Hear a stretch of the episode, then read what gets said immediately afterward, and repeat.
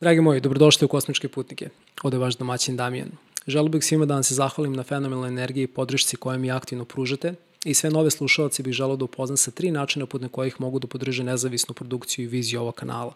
Prvi način jeste naravno da me zapratite, odnosno da se subscribe-ujete i da uključite notifikacije kako biste stalno bili obaveštavani o novom sadržaju koji će aktivno biti objavljivan na ovom kanalu. Drugi način jesu jednokratne donacije putem Paypala, koje ćete moći da izvršite uz pomoću linka koji će stajati u opisu ispod svakog videa na ovom kanalu. Treći način jeste da me podržite putem platforme koja se zove Patreon, gde ćete imati pristup ekskluzivnom sadržaju vezano za kosmičke putnike i gde će svaka nova epizoda kosmičkih putnika biti premijerno objavljena dva dana pre nego što bude bila objavljena bilo gde drugde na internetu. Pre nego što počnemo, želeo bih da vam predstavim mog današnjeg gosta. On se zove Vladimir Stojaković. Vladimir je neko ko se već 30 godina bavi spiritualnim tehnologijama koje je razvio Živorad Mihajlović Slavinski. U kontekstu spiritualnih tehnologija, Vladimir je neko ko deluje na svim poljima – Najpre kao neko ko ove tehnologije primenjuje kako na sebi, tako i na drugima, zatim kao trener, zatim kao trener trenera i na kraju kao učitelj trenera trenera, što je ujedno i najviši nivo u okviru spiritualnih tehnologija. Vodio je veliki broj seminara kako u zemlji Srbiji, tako i širom planete i polazit će tehnika koja je inicijalno razvio Živorad Mihajlović Slavinski, kasnije razvio sam sobstvena dva metoda koja je nazvao Integra protokol i Satori protokol.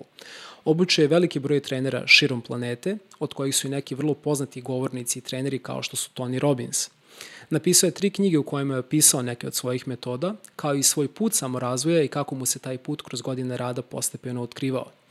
U današnjoj epizodi smo razgovarali o njegovom susretu sa Živoradom Mihajlovićem Slavinskim i njegovim učenjem, kao i o nasledđu koje je Živorad kroz svoje tehnike ostavio svima nama.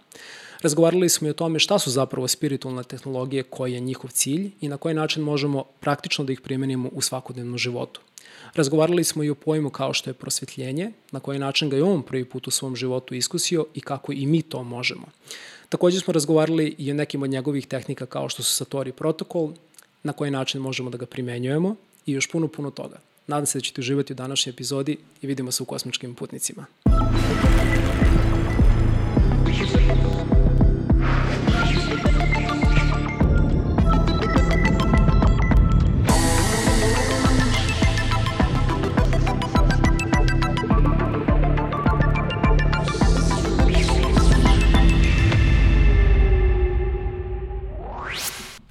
Vladimire, dobrodošao u Kosmičke putnike. Drago mi je što imam priliku da te ugostim evo, u ovoj online formi, s obzirom da se ti trenutno nalaziš u dalekoj Australiji.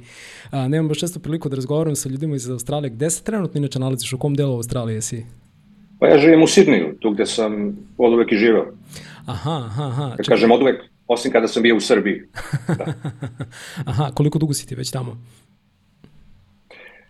Pa Prvi put sam ovde živeo 10 godina, od 97. do 2007.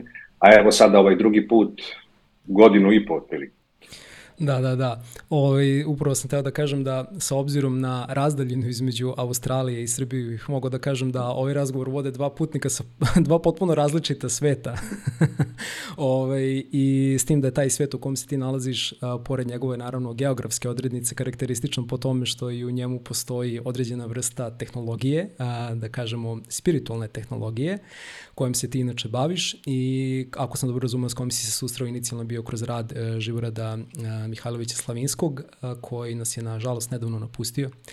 A, ti si neko ko je njegove, neke njegovih tehnike pristupa kasnije razvio i stvorio neke svoje tehnike po kojima si postao svetski poznat. I ono što bih želeo da te pitam za početak, mislim generalno kad pričamo o tehnologijama, taj pojam svakako zvuče, po, um, bih mogli da prepoznaju većina naših slušalaca, ali kada isti taj pojam upotrebimo u kontekstu spiritualnog, um, onda to bar u meni budi jedno onako veliku znatiželju da saznam o čemu se tu radi. Pa bih eto za početak te zamolio da i meni i mojim slušalcima, odnosno gledalcima, pojasniš šta u stvari predstavljaju spiritualne tehnologije i na koji način si ih ti otkrio u svom životu. Pa kao što si već rekao, spiritualne tehnologije su a, a, grupa tehnika koje je razvio Živorad Mihajlović Slavinski. A, možemo reći da a, spiritualna tehnologija ima dva cilja – A, jedan cilj je spiritualni razvoj, a drugi cilj je oslobađanje od emocionalnih problema. Jeste, ta reč tehnologija može malo neobično da zvuči u ovom kontekstu, imajući u vidu da je obično koristimo za nauku, industriju, inženjerstvo i tako dalje. Međutim, priroda živorodovih tehnika je da su one a, proceduralne. Znači, koraci su jasno definisani i kada se primeni kako treba, uvek dovode do istog očekivanog rezultata. Tako da imajući to u vidu, ta reč tehnologija bi mogla da bude adekvatna i u ovom slučaju. Hmm. Ja sam se upoznao sa spiritualnom tehnologijom a, prvenstveno učići direktno od Živorada.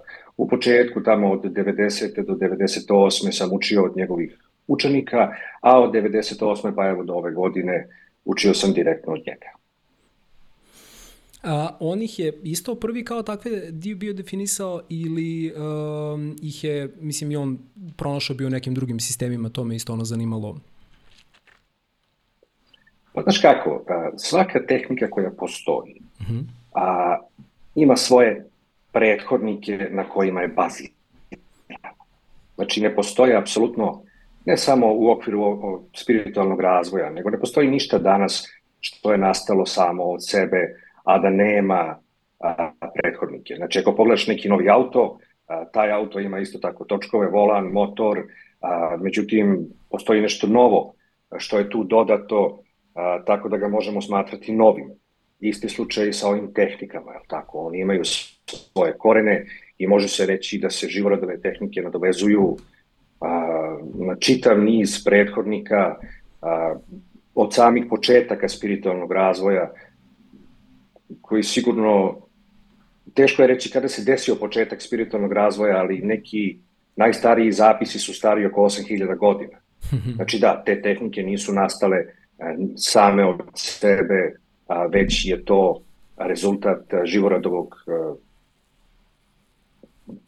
celoživotnog životnog rada, tako, gde je on prvo proučavao i tradicionalne metode i savremene metode, akumulirao znanje, pisao knjige i a, u jednom trenutku a, ta akumulacija znanja i iskustva je rezultirala time da je on krenuo da usavršava tehnike i razvija nove tehnike. E sad, za naše gledalce koji se prvi put susreću sa imenom Živorad Mihajlović Slavinski, da li bi prosto malo približao ko je u stvari bio taj čovek i kako si se ti konkretno baš upoznao sa njim?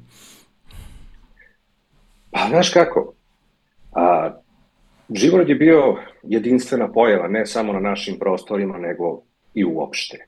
I ako malo pogledaš okolo, teško ćeš naći nekoga sličnog. Mm -hmm. Znači, prvo bio je a, izvrštan pisac sa 30 napisanih knjiga na veoma kvalitetan način, sa desetine hiljada čitalaca. Pored toga što je bio pisac, bio je i klinički psiholog i ono što je za nas u ovom razgovoru najvažnije bio je neko ko razvija i usavršava metode spiritualnog razvoja. A, tamo sa nekih deset godina, ako se dobro sećam, kako je on to opisivao i pričao, a, doživao je iskustvo blisko smrti. Kupali su se tamo u nekom jezeru, u jednom trenutku on je počeo da tone, da se davi, a, nagutao se vode, prestao je da diše i kako on to sam kaže, ustao, ušao je u neko a, stanje blaženstva. I prolazile su mu misli, pa da li je ovo smrt, pa to je a, najlepše moguće stanje, dok ga neko od starih kupača nije izvukao na površinu.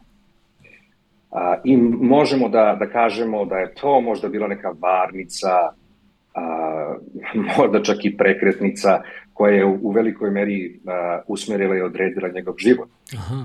A, međutim, međutim, ja lično ne verujem a, u prekretnice tog tipa ukoliko već ne postoji teren da se takve te a, prekretnice dese. Šta to znači? Ako pogledaš malo po internetu a, ili po YouTube-u recimo, vidjet ćeš da po, ima dosta ljudi koji su a, doži, doživljavali ta iskustva bliska smrti i nisu svi oni postali spiritualni tragaoci. Mm. Neki su to gledali kao na samo jednu epizodu koja im je nešto rekla o životu. Neki su pisali knjige o tome, ali nisu otišli, da kažem tako, dalje od toga. A, to je recimo a, a, nešto što je vrlo interesantno vezano za a, njegov život i ako razmišljamo o tome a, šta je to što je moglo tako rano da ga usmeri ka spiritualnom razvoju, naročito u zemlji a, u sredini gde apsolutno spiritualni razvoj nije postojao. Tako. Mm -hmm. a, to je tada bila komunistička zemlja, tako, i sve što je bilo vezano za religiju, za spiritualnost, a, a, nije gledano sa, sa naklonošću, nije podržavano. I on je a, već tamo negde sa 16 godina a, počeo da traga za a, a, odgovorima na, na pitanja koje je imao sa spirit, spiritualne prirode. Međutim, znamo da u to vreme literature nije bilo, a proučavao je to što je mogao da nađe u tadašnjoj Jugoslaviji. Studirao je psihologiju zato što je, ja verujem, to nešto najbliže spiritualnosti, ili tako? Psihologija nije spiritualnost, ali ako hoćeš da studiraš nešto, to bi bilo najbliže njegovim tadašnjim interesovanjima. Pojavio se kao pisac, ja mislim da ima 30 nešto godina, nisam tačno siguran, sa knjigama Psihički trening jogija, pa onda Ključevi psihičke magije. Mm -hmm.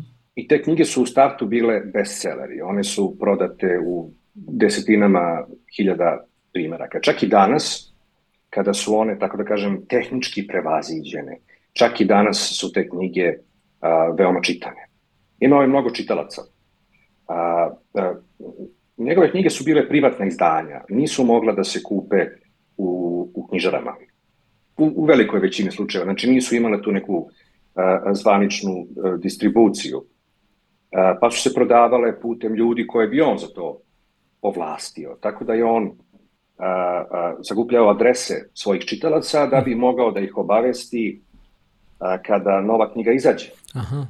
I u jednom trenutku, u jednom trenutku tamo pre 90-ih, on je u svojoj bazi imao 30.000 čitalaca, što je, imajući u vidu tematiku, a, jako veliki broj. Pritom tih 30.000 je bilo sa teritorija bivše Jugoslavije, tako, govorimo, govorimo o vremenu pre 90. Mm -hmm, -hmm. A, a, u Živorodu možemo reći još, na primer, da je, da ja lično njegov rad gledam, a, kako bi ja to nazvao, pre intenziva prosvetljenja i posle intenziva prosvetljenja. Mm -hmm. a, a, o čemu u stvari pričam?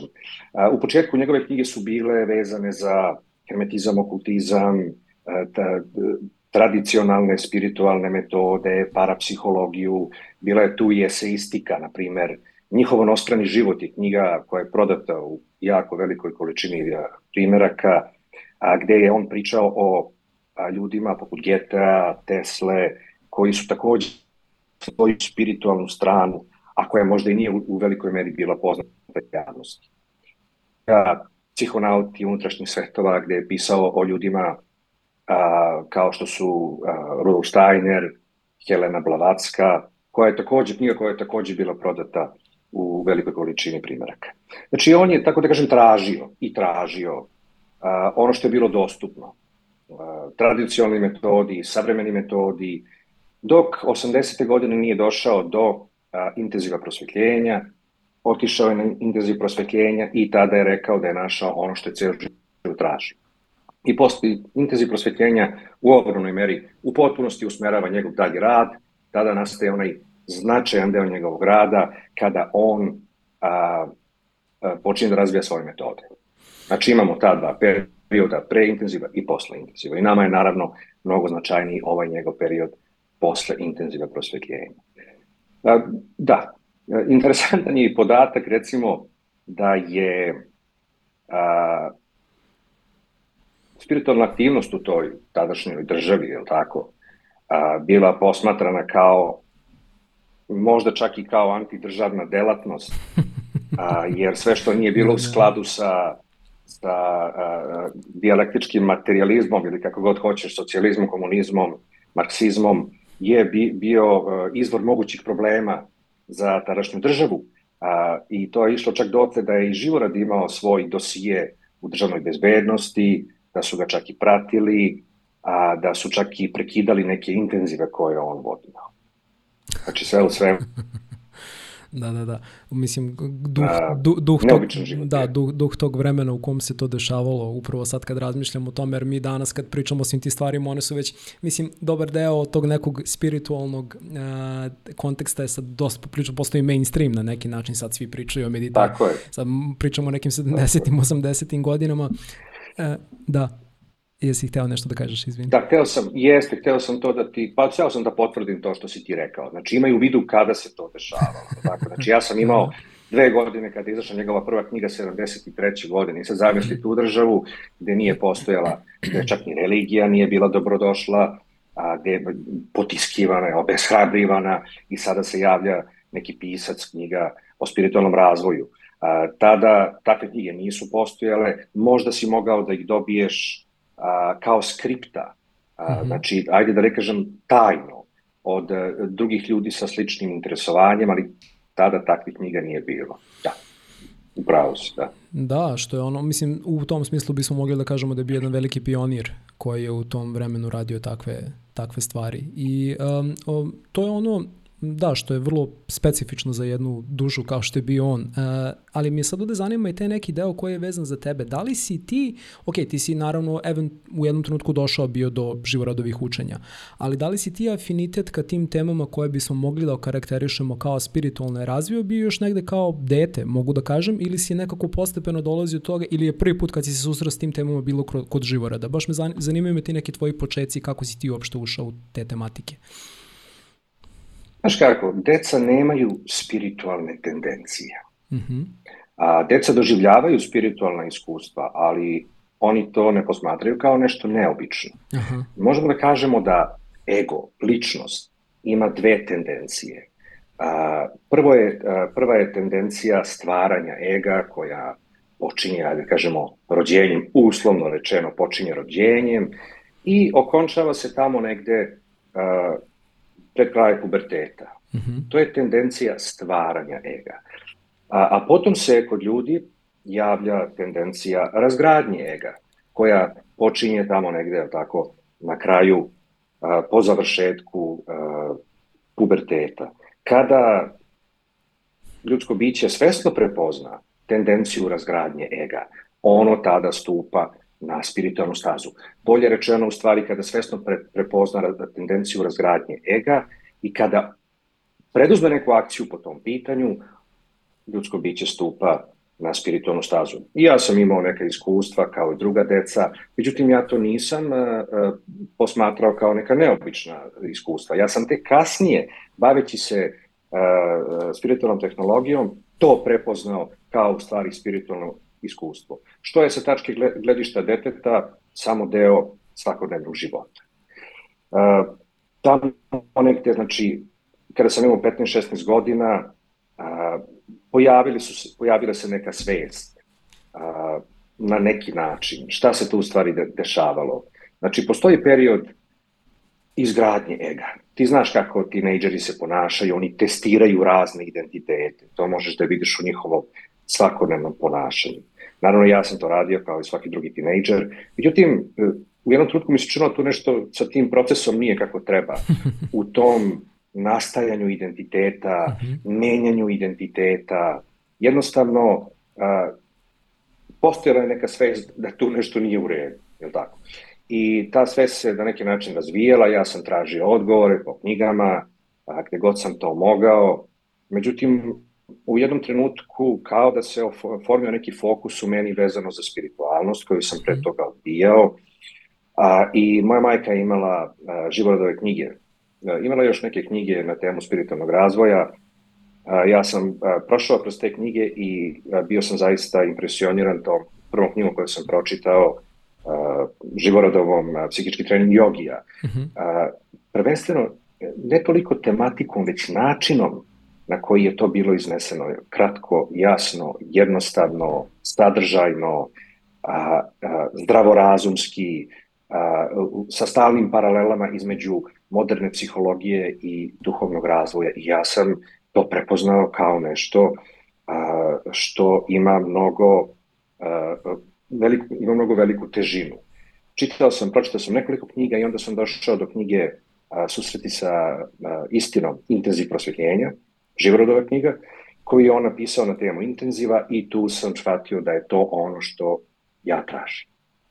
E, I tada sam počeo da se pripremam da idem na intenziv, vrlo brzo sam otišao na intenziv i tako je to počelo, što se mene tiče. Da li si imao na tom, kao što si rekao da si u jednom trenutku krenuo da osetiš da nešto nije u redu sa tim jednim postupkom opažanja koji si u sebi prepoznao, da li je postojalo u tom smislu neka uh, pa kao nazovimo je, kao neka vrsta prelomne tačke koja je uticala na to da ti definitivno kaže, ok, moram, moram da krenem malo više da se bavim, uh, da li u, u smislu ta neka tačka koja te usmerila definitivno da taj neki put samorazvoja?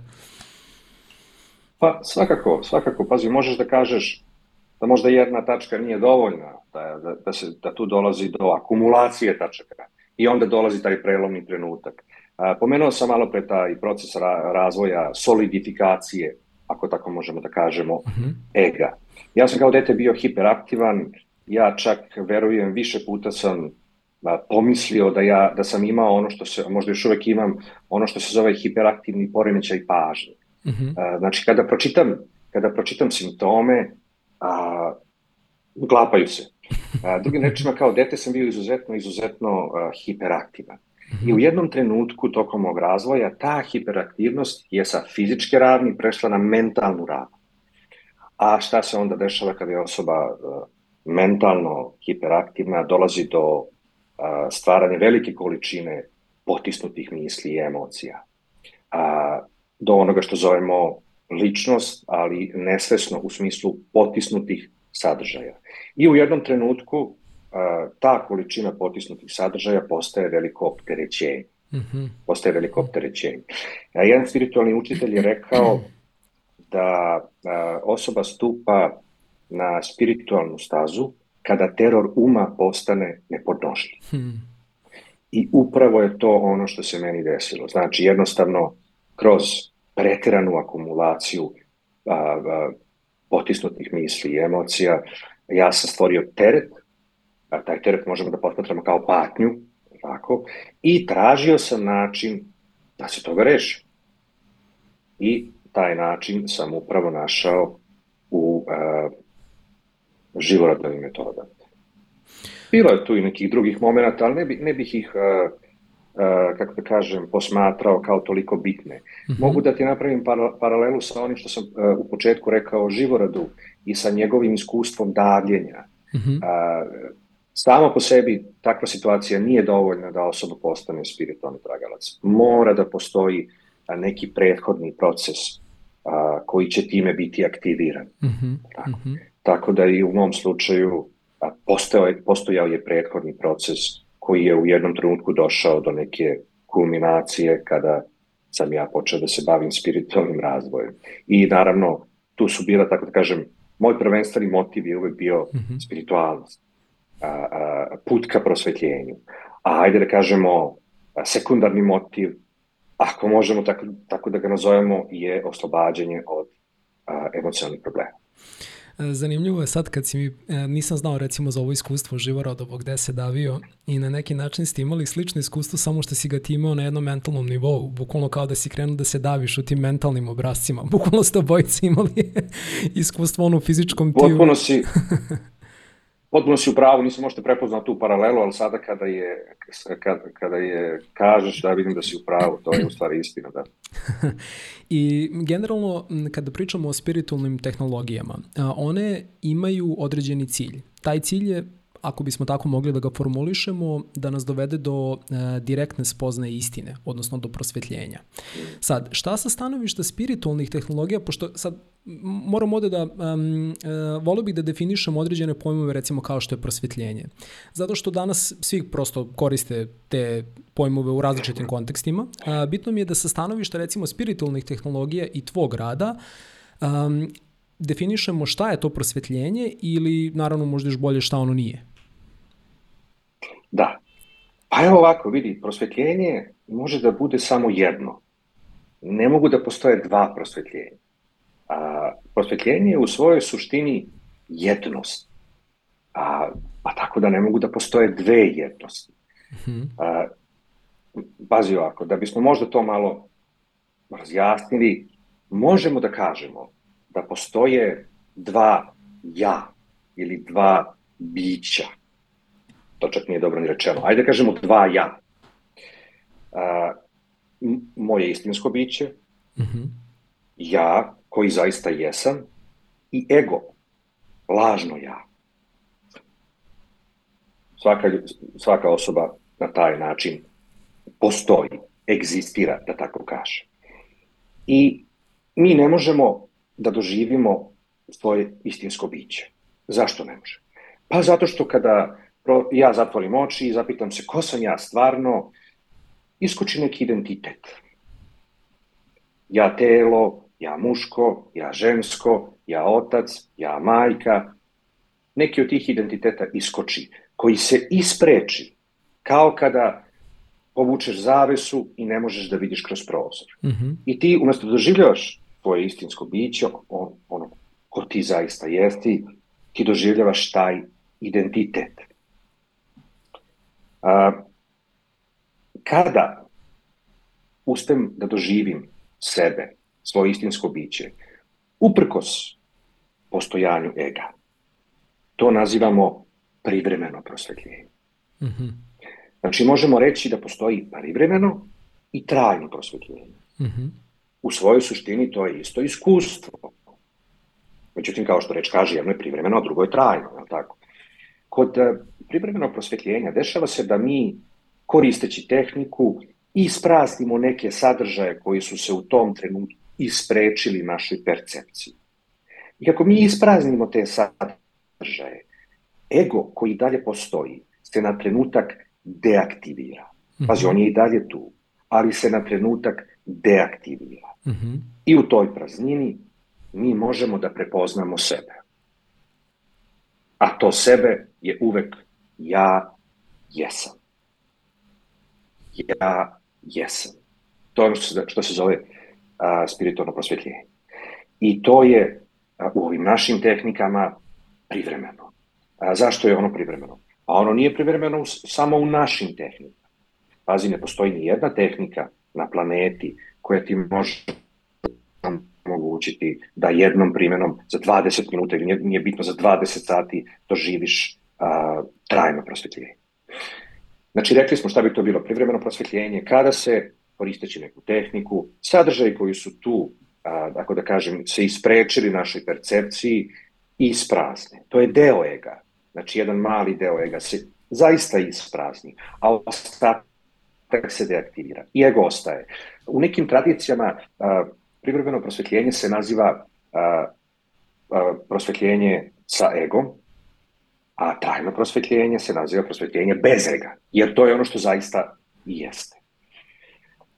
Znači, ne postoji njena tehnika koja ti može omogućiti da tako brzo doživiš uh, u potpunu, potpunu dezintegraciju ega. Ona se može spontano desiti i ona se dešava spontano ljudima koji su za to spremni.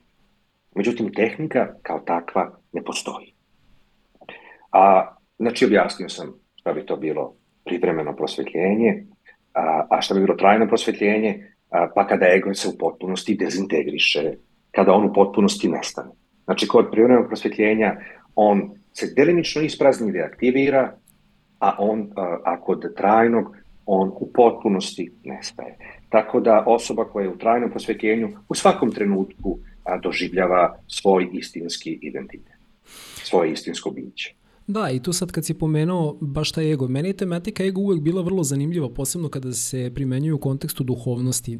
I um, upravo sad ovo što si rekao, kada kažemo dezintegriše ego, šta tačno pod tim podrazumevaš zato što mi nekada deluje da je opasno da ego dezintegrišemo u potpunosti s obzirom da funkcionišemo i postojimo u ovom materijalnom svetu u kom nam je na neki način on, bar sa nekog mog trenutnog ovaj, nivoa shvatanja, neophodan za određene aspekte. Onda kad kažemo dezintegrisati ego, šta u stvari to znači? Šta podrazumevaš zapravo pod tim?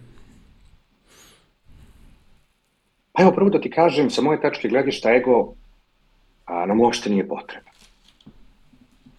A probat ću to da objasnim mm -hmm. u meri u, u kojoj mogu. A, ego kao takav, on ima određenu funkciju i to je evolutivna funkcija. Mm -hmm. A, ako pogledamo a, bebu. Beba živi u okeanu jednosti. A, to znači da razlikuje sebe od ostatka egzistencije. Međutim, ono što beba nema, on, ona nije svesna sebe. Ona nema svesnost, nema svest o sebi. A, a recimo, ako sada uporediš bebu i odraslu osobu, a, odrasla osoba ima svest o sebi, jer tako? E, to je u stvari rezultat ega. Znači, beba a, živi u okeanu a, jednosti, ali je nesvesna sebe. Međutim, ima taj evolutivni drive, a, evolutivni nagor da se osvesti. I šta onda ona radi? Ona stvara veštačku podelu na ja i ne ja. A, ima ona, a, ona taoistička knjiga Tao Te Ching ili knjiga o putu i njegovoj vrlini. To je knjiga koju, koju, za koju se smatra da je napisao Lao Tse i u nekim stihovima te, tog spisa ili sutri, kako god hoćeš, on kaže sledeće. Kaže ovako, od jednog nastaju dva, od dva nastaje deset hiljada stvari. I to on upravo opisuje taj proces o kojem sada govorim. Znači, beba deli postojanje na dva, na ja i na, i na ne ja. I to je ono kada Lao Tse kaže od jednog nastaje dva. Ja a, je a, ona, a, ona strana polariteta gde će se kasnije množiti identiteti. Ja telo, ja svest, ja energija, ja prostor. To su tih 10.000 stvari.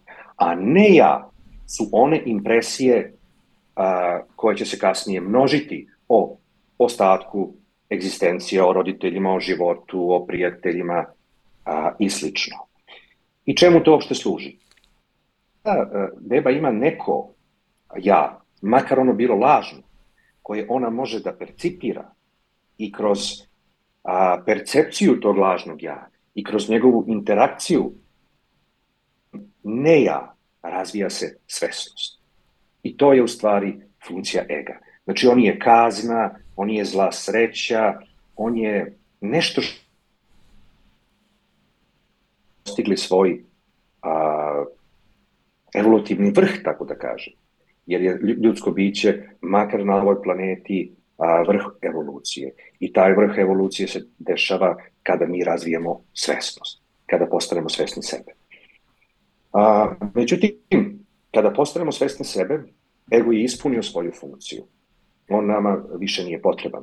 Ali ne možemo tek tako da ga odbacimo. Iz prostog razloga što je suština ega u identifikaciji. Ja percipiram da sam ja taj, ta, ta, masa koju sam stvorio i ne mogu to da odbacim, je tako? I ta masa kao takva stvara probleme. Prvo, ona se sastoji od gomile polariteta i unutrašnjih konflikata koji stvaraju negativna emocionalna stanja i reakcije. Potom ta masa stvara egzistencijalnu patnju, jer ja percipiram da sam ja neka odvojena jedinka koja će a, smrću tela nestati. A, I zato je u stvari i nastao spiritualni razvoj razvoj je nastao da se mi oslobodimo od ega. On nama zaista posle određene tačke više a, nije potreban. A, zašto? Impresije. Znači, ako imaš neko kuće i to kuće hoće stalno da istrčava na ulicu i postoji opasnost da ga udari auto, a gazda istuče to kuće, da bi napravio taj uslovni refleks, ili tako da bi, kada kuća ima nameru da istrči, da bi se stvorio refleks bola i da to ono više ne bi radio. To je zato što kuće nema svest o sebi putem koje bi ti mogao njemu da objasniš zašto nije dobro da istrčava pred auto. Znači tu je učenje kroz impresije, način na koji takvo biće funkcioniše. Mm -hmm. Isto tako i malo dete do određenog uzrasta funkcioniše putem učenja kroz impresije. Da, da. A, recimo, a, deca ne znaju šta je visina, mogu da padnu kroz prozor, što se često dešava, jer nemaju svest o tome, a ne znaju šta je da, smrt, da, da, da, da. nema načina da im se to objasni. Međutim, u jednom trenutku učenje kroz impresije a, prestaje da, da bude funkcionalno. Jer mi kada postanemo uh, svesni, kada steknemo svesnost, nama to više nije potrebno. Odrasla osoba zna da ne treba da skoči uh, sa desetog sprata i koje će posledice biti.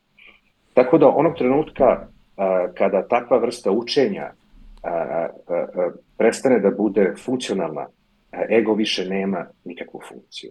Apsolutno nikakvu. I jedini način zašto on postoji, jedini razlog zašto on postoji je zato što se mi držimo sa njega i nećemo da ga pustimo. Zato što verujemo da smo to mi. Hmm hvala ti na ovom odgovoru. Ove, e, do, dosta me ta tematika ega onako, ovaj, e, ne bih rekao mučila, ali stalno nalazim na nju e, kada u, u nekom mom izučavanju duhovnosti onda me baš zanimalo kako na ti to posmatraš iz svog nekog ugla istraživanja i rada. Sad, nakon svega ovog što si rekao, dolazim jedno pitanje koje je pomalo lične prirode, a to pitanje je Kada si ti prvi put doživao i kako izgledalo to neko, kakav je bio doživljaj tvog prvog iskustva, ovaj, direktnog iskustva istine i da li bi želeo sad da ga ovom prilikom podeliš sa mnom i sa mojim slušalcima, odnosno gledalcima? Hoću, naravno. Ja sam to prvo iskustvo prosvetljenja doživeo, sam imao 20 godina, na intenzivu prosvetljenja. A prvo treba da imamo u vidu da su intenzivi prosvetljenja izuzetno psihofizički naporni, zahtevni, da se ulaže a, ogroman napor i ogromna energija i kada dođe do, do uspeha, dolazi naravno do oslobađanja, a, do nekog, da kažemo, karakterizičnog oslobađanja te energije. To samo po sebi nije direktno iskustvo ili prosvjetljenje, ali može da ga prati na intenzivu, mhm. zbog načina na koji dolazimo do direktnog iskustva. Dobro. Ja sam dosta čitao o, o prosvetljenju, pripremao se za prosvetljenje i otišao sam konačno na, na intenziv prosvetljenja, a, koji je tada trajao nekoliko dana. Tamo smo spavali na podu a, u jednom selu, tamo kod Obrenovca, a, koje se zove Joševa, koji ima tako malo, a, tako da kažem, a, neobično ime, više a, adekvatno za Indiju, a ne za nas. Mhm.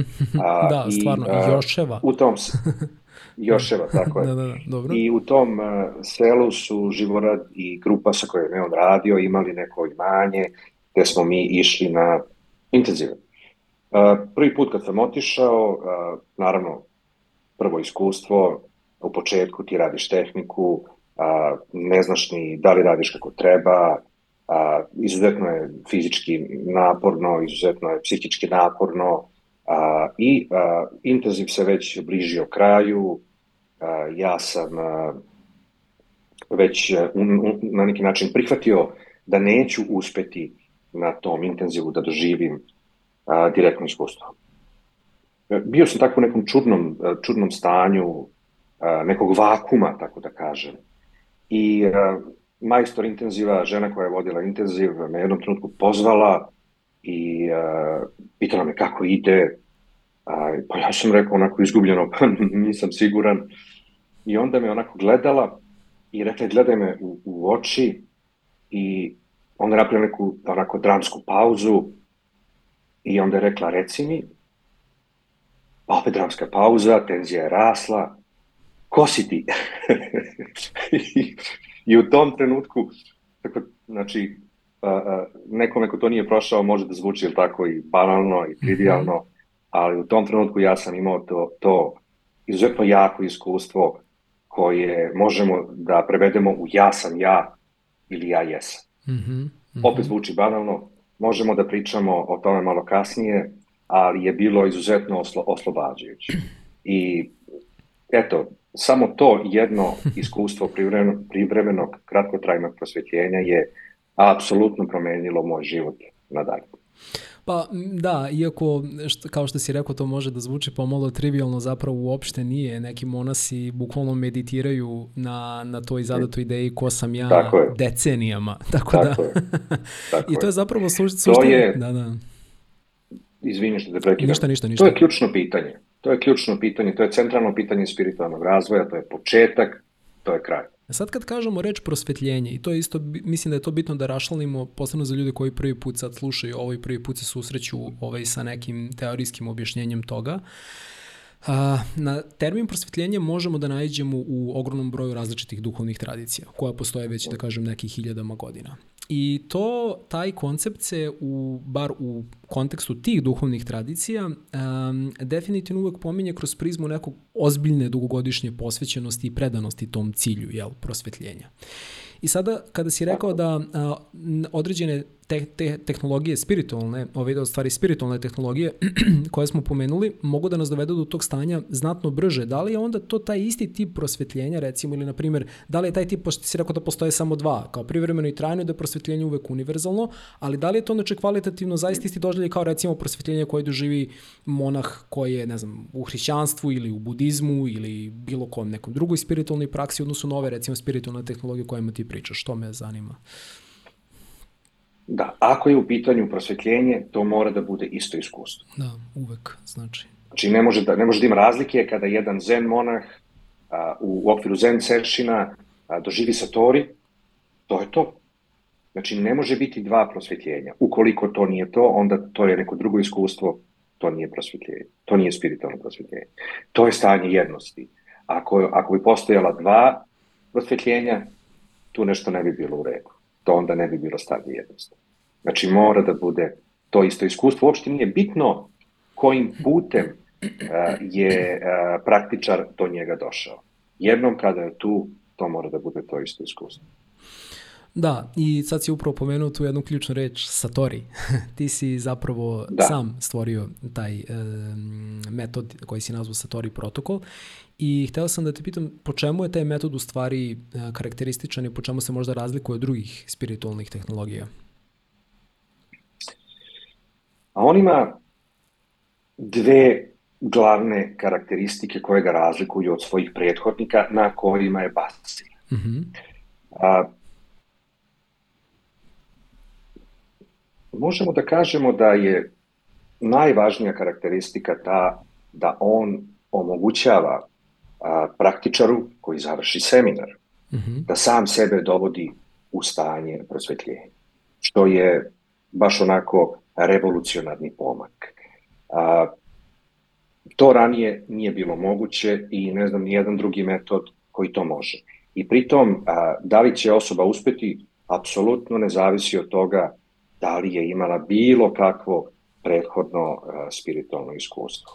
Znači, uh, postoji meditacija kao neki osnovni pristup uh, uh, traganju za prosvetljenje. Mm -hmm. I u meditaciji uh, ne postoji uh, nikakva garancija uh, da li će se desiti prosvetljenje, uh, kada će se desiti prosvetljenje.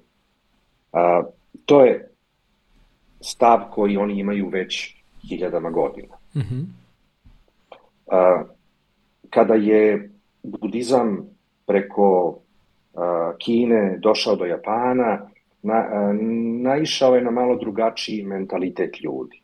Mm -hmm. a, Japanci su praktični i njima a,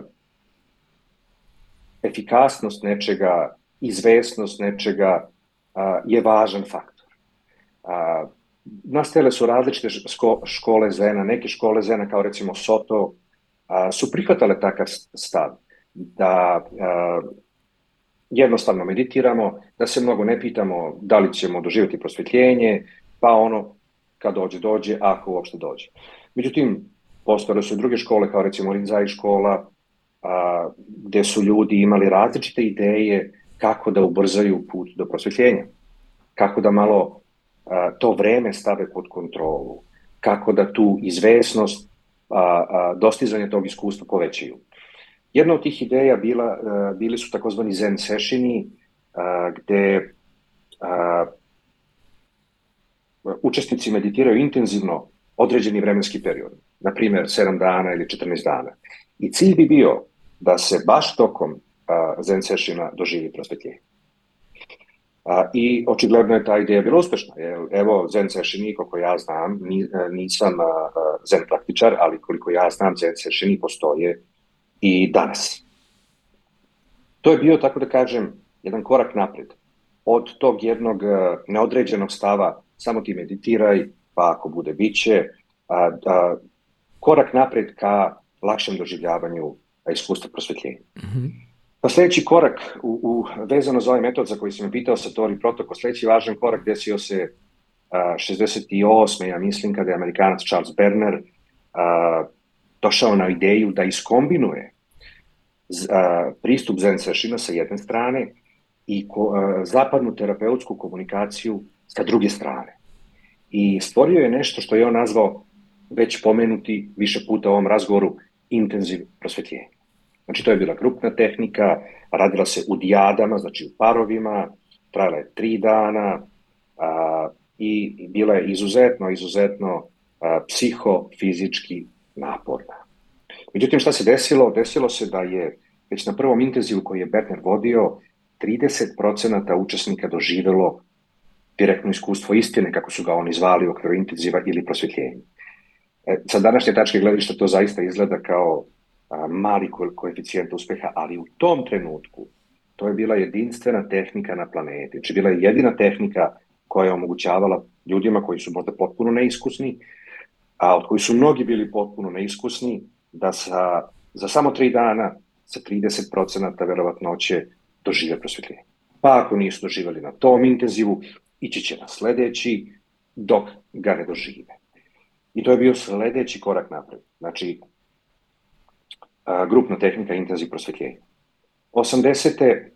je Živorad Slavinski a, čuo za intenziv i otišao da učestvuje na svom prvom intenzivu u London, a, gde nije uspeo da doživi direktno iskustvo istine, ali je rekao da je našao ono što je ceo život tražio.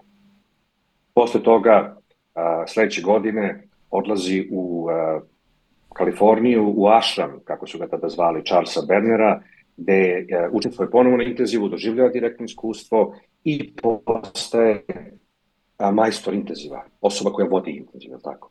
A, dovodi ga u a, svoju tadašnju državu, bivšu Jugoslaviju, gde intenziv postaje izuzetno, izuzetno popularna tehnika. Hiljade, hiljade ljudi su učestvovali na intenzivu a, na, u našim prostorima.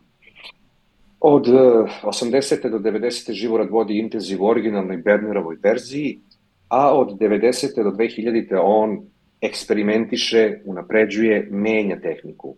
2000. godine on je objavio svoju verziju koju je nazvao gnostički intenziv sa alternativnom tehnikom. Mm -hmm. To je takođe bila grupna tehnika.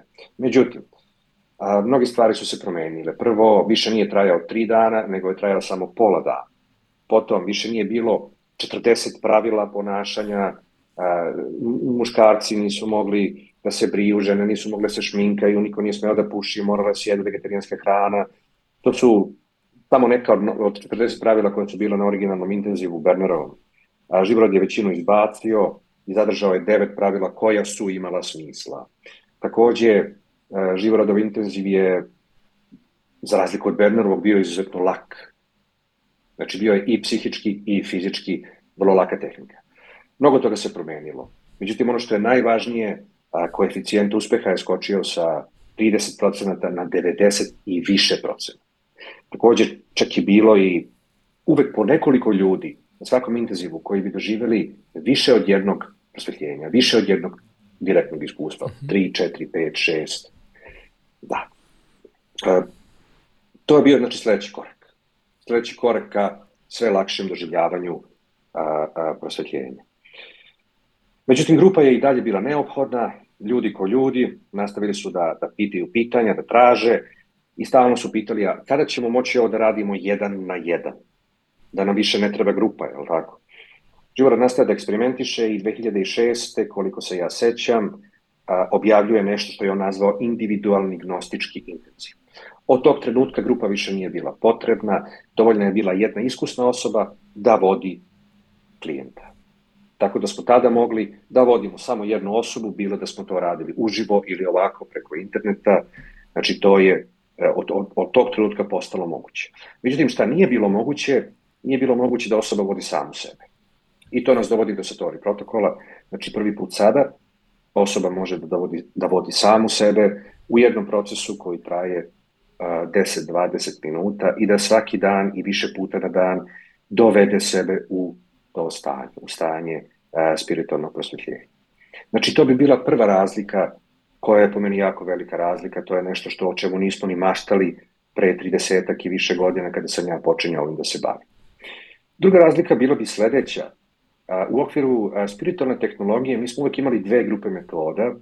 Jedna grupa metoda su ti intenzivi, koje sam već pomenuo, znači grupni intenziv, individualni intenziv, koji su imali za cilj da doživimo prosvetljenje, ali nisu mogli da nas oslobađaju od emocionalnih problema.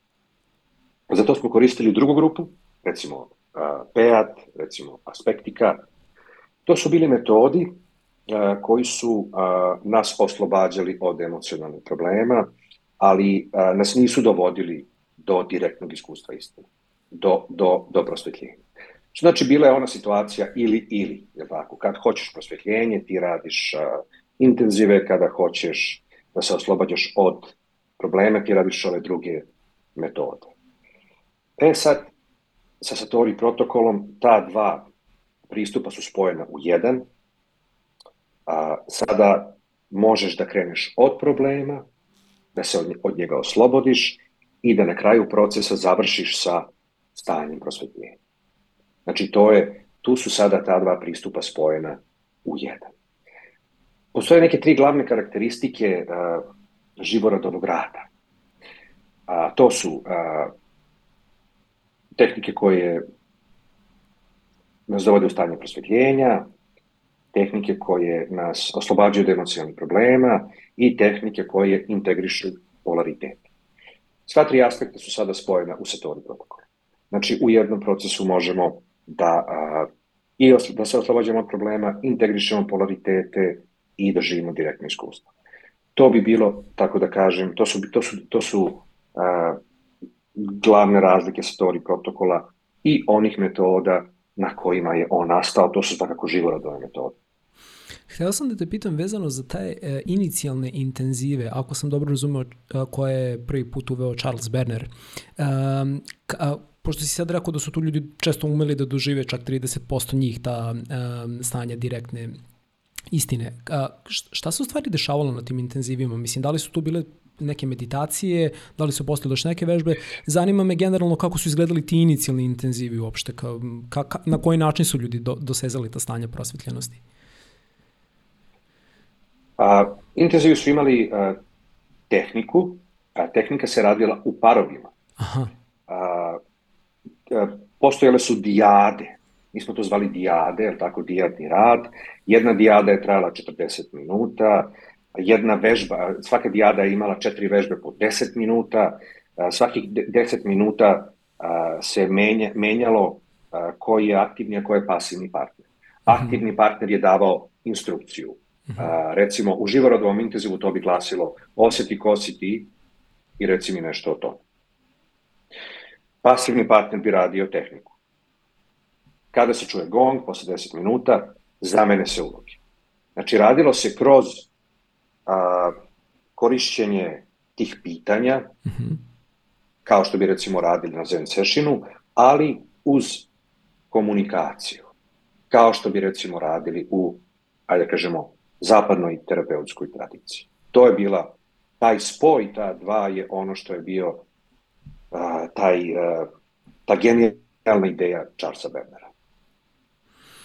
Da, jer ba, ba, baš mi je zvučalo zanimljivo, kako, s obzirom da su ljudi uspevali da, da postignu prosvetljenje kao takvo, a, ti neki koreni i ono što a, me isto zanima sad kad pričamo o Satoriju, kada kroz Satori protokol dođemo do tog e, stanja direktne spozne isti, in, istine, odnosno prosvetljenja, koliko to stanje generalno traje i da li se to stanje prosvetljenosti krenuli smo da pričamo o tome, odnosi recimo na neki određen segment našeg života, kao jedan put smo se prosvetlili po pitanju nečega ili se generalno odnosi na celokupan doživlje iskustva? Pa pazi, odgovor, odgovor ne može da bude ili jedno ili drugo. Da, da, znači, da. ti kada radiš to. tehniku, ti se odlučiš na koje pitanje radiš. Uh mhm. -huh. Ti možeš da radiš na pitanje šta je život. Aha. Možeš da radiš na pitanje ko sam ja. Uh -huh. A mhm. možeš da radiš na neki problem. Recimo strah od javnog nastupa. E pa, da, da, da, okej. Okay. Kada radiš jest, kada radiš tehniku, ti ćeš se oslobađati od naboja koji je vezan za pitanje a, na kojem radiš. Znači, mi koristimo te koncepte, recimo šta je život, ili probleme, recimo strah od javnog nastupa, koristimo ih kao okidače. Znači, kako se aktivira naboj u nama?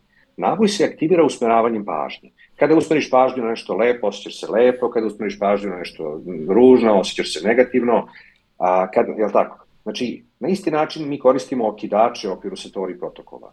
Usmeravanjem na te okidače aktiviramo nesvesni naboj, ali relevantan naboj. Uh mhm. -huh. Ako radiš šta je život, ti ćeš aktivirati impresije o životu koje si skupio tokom života. Tako. Život je patnja, život je sreća, život je radost, život je težak. Postoje mnoge impresije koje ljudsko biće skupi o recimo konceptu život. Te impresije će se prazniti. Međutim, onog trenutka kada dođeš u stanje ja jesam, ono je u potpunosti univerzalno. Znači ono ne može biti vezano za neku oblast, to je stanje jednosti. Ako bi bilo vezano za neku oblast, to bi dalje bio dualitet, to ne bi bilo prosvetljenje.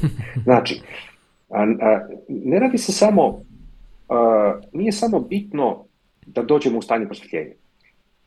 Takođe je bitno a, od čega ćemo se na tom putu osloboditi. Mm -hmm. Mm -hmm.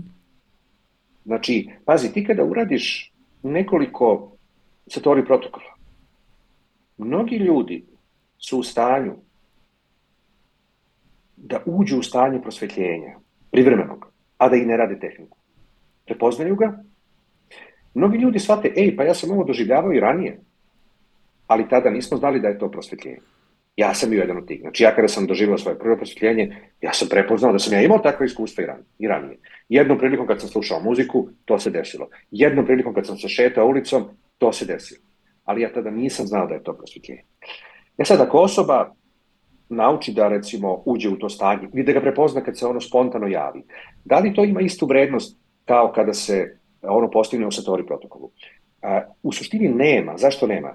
Zato što se kod tih spontanih dešavanja, čovjek nije ničega oslobodio.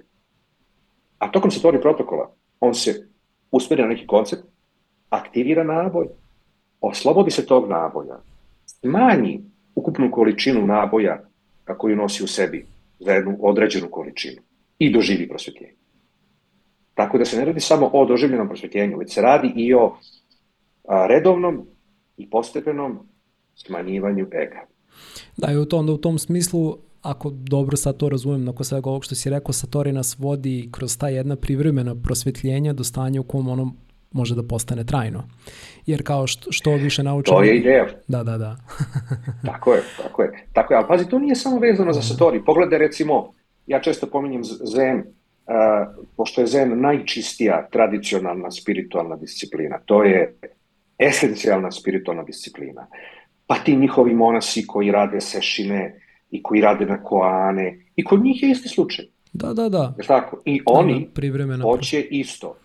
Tako je, to su privremena, naravno svi mi, svi mi bismo htjeli trajno. Mhm. -huh. Nažalost, ne ide to tako lako. Na, ovo, na ovom nivou naše evolucije to ne ide tako lako. Pazi, mhm. -huh. za samo 30 godina mog života, pogledaj koliko su se promenile stvari.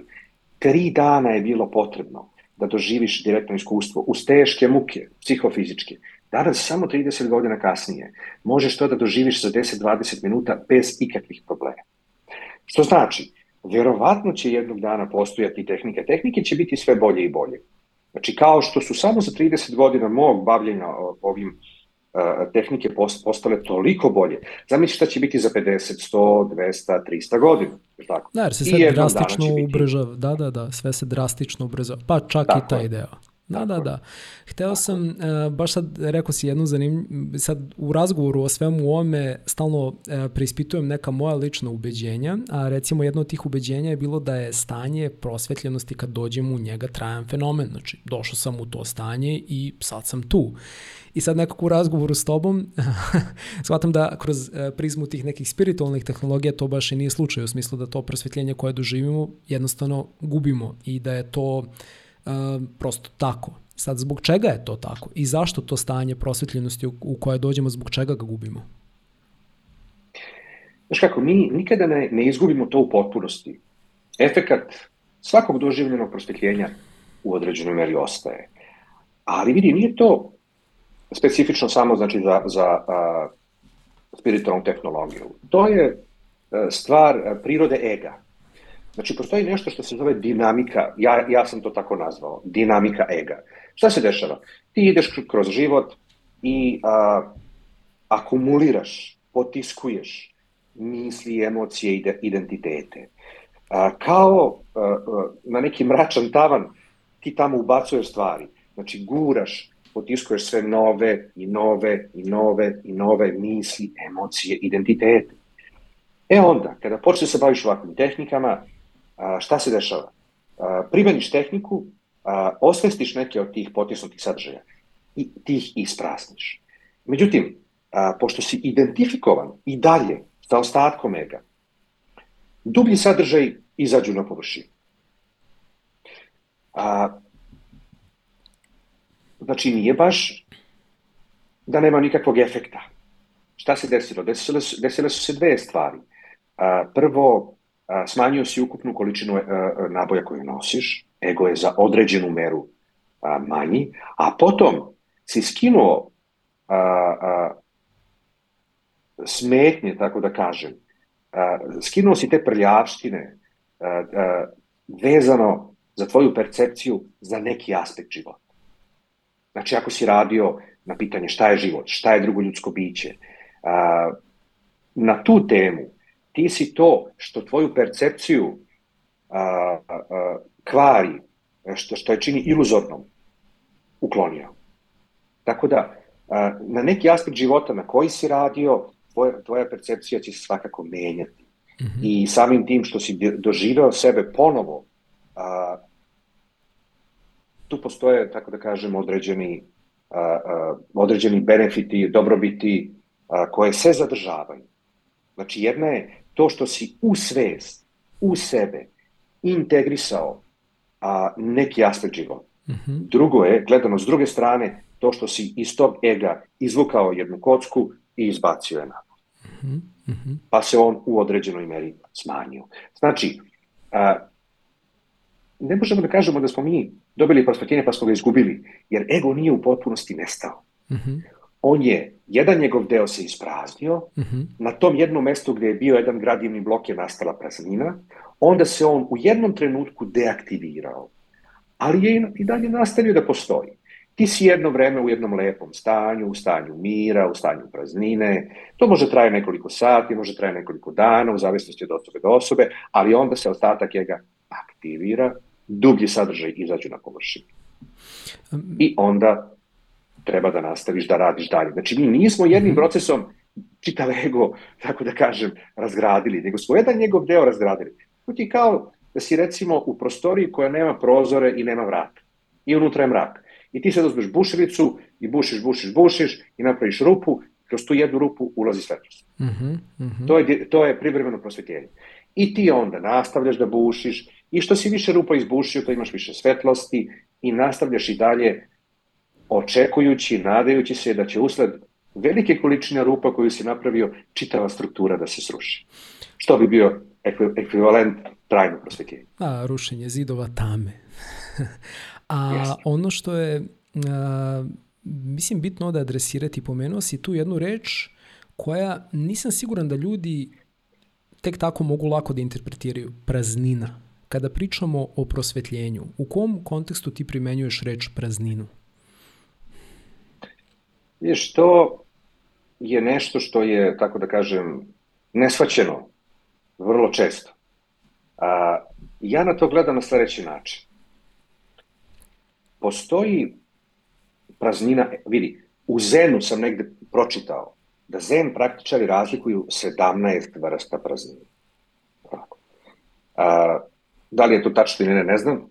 Međutim, ja razlikujem samo, samo dve vrste praznine. Jedna je praznina ega.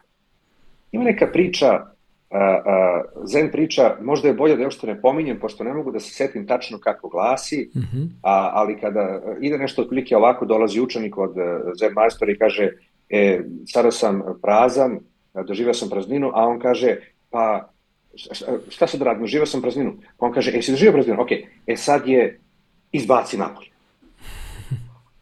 Ovaj meditira, meditira, pa kaže, pa kako ću da, da, da izbacim napolje? Ja to ne mogu. A ne možeš? E onda je iznesi napolje.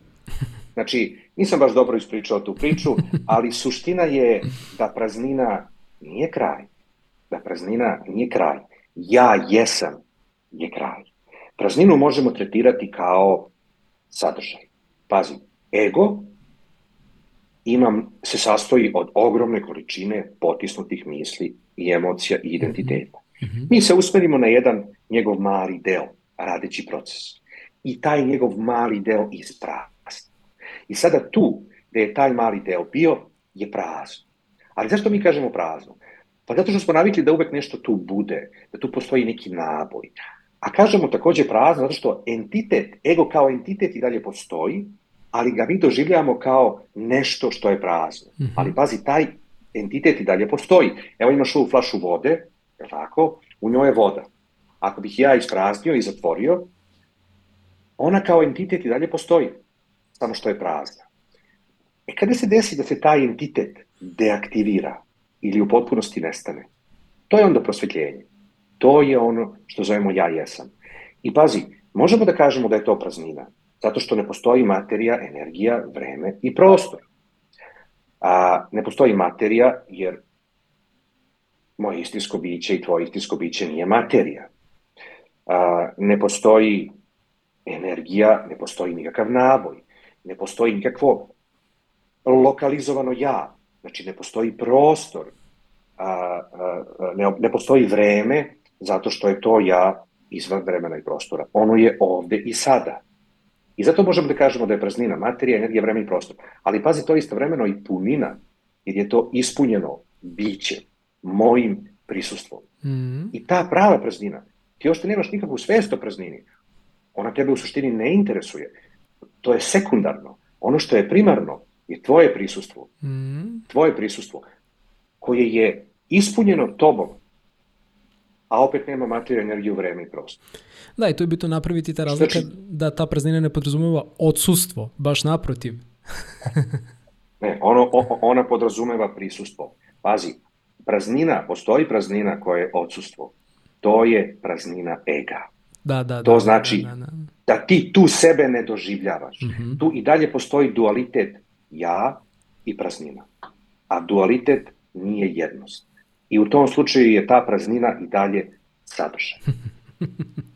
Da, da, da, da. Super, hvala ti što smo ovo rašali, jer mislim da tu baš dolazi često do zabune i kad se priča o, kontek o, o mm, pojmu praznine u kontekstu duhovnosti, tako da hvala ti na tome. E, pitanje je koje se isto nekako ovde sad, bar meni, pojavljuje u glavi vezano za Satori protokol, jeste da li je to prosvetljenje do kog dolazimo kroz Satori protokol namenjeno svima, znači da li bukvalno svaka osoba na planeti može da ga doživi praktikujući Satori ili je ono namenjeno samo određenim pojedincima koji imaju neko iskustvo ili predznanje?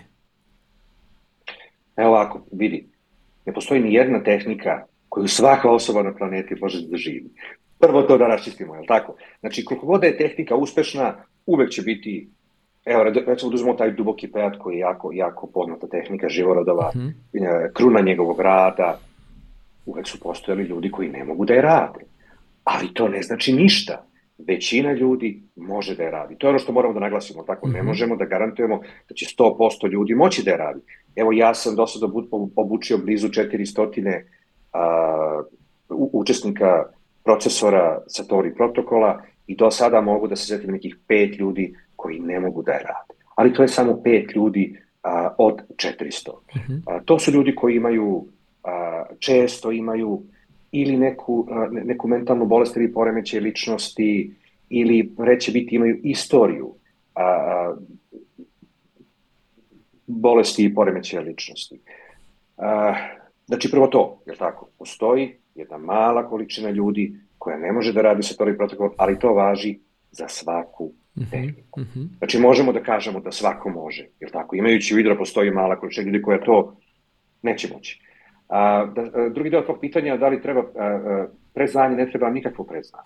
Više sam mislio znači, na taj deo. Potrebno... Da, da, da, jer naravno razumem upravo to, ne, ne postoji ni jedna univerzalna tehnika za svakoga, ali više sam mislio na taj Tako deo je. kao da li jednostavno svako može da ga proba, više kao u tom Da. Smislu. Naravno, svako može. Znači nije potrebno predznanje, čak je možda i bolje da nemaju predznanje, čak je možda i bolje da nemaju drugo iskustvo. A, svako može da, da, da primenjuje ovu tehniku bez problema. To mogu da potvrdim jer sam vodio zaista veliku količinu uh, seminara i uh, grupnih i individualnih i na našem jeziku i u inostranstvu.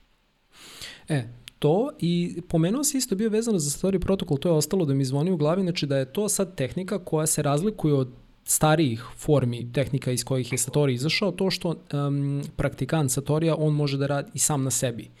E sad, e, da li to znači da nekada neko ko jednostavno nema dovoljno iskustva može u tom procesu Satori jednostavno da napravi grešku i da sebe bukvalno uvede u stanje zablude, tako možemo da kažemo da se zapravo prosvetlio, a nije.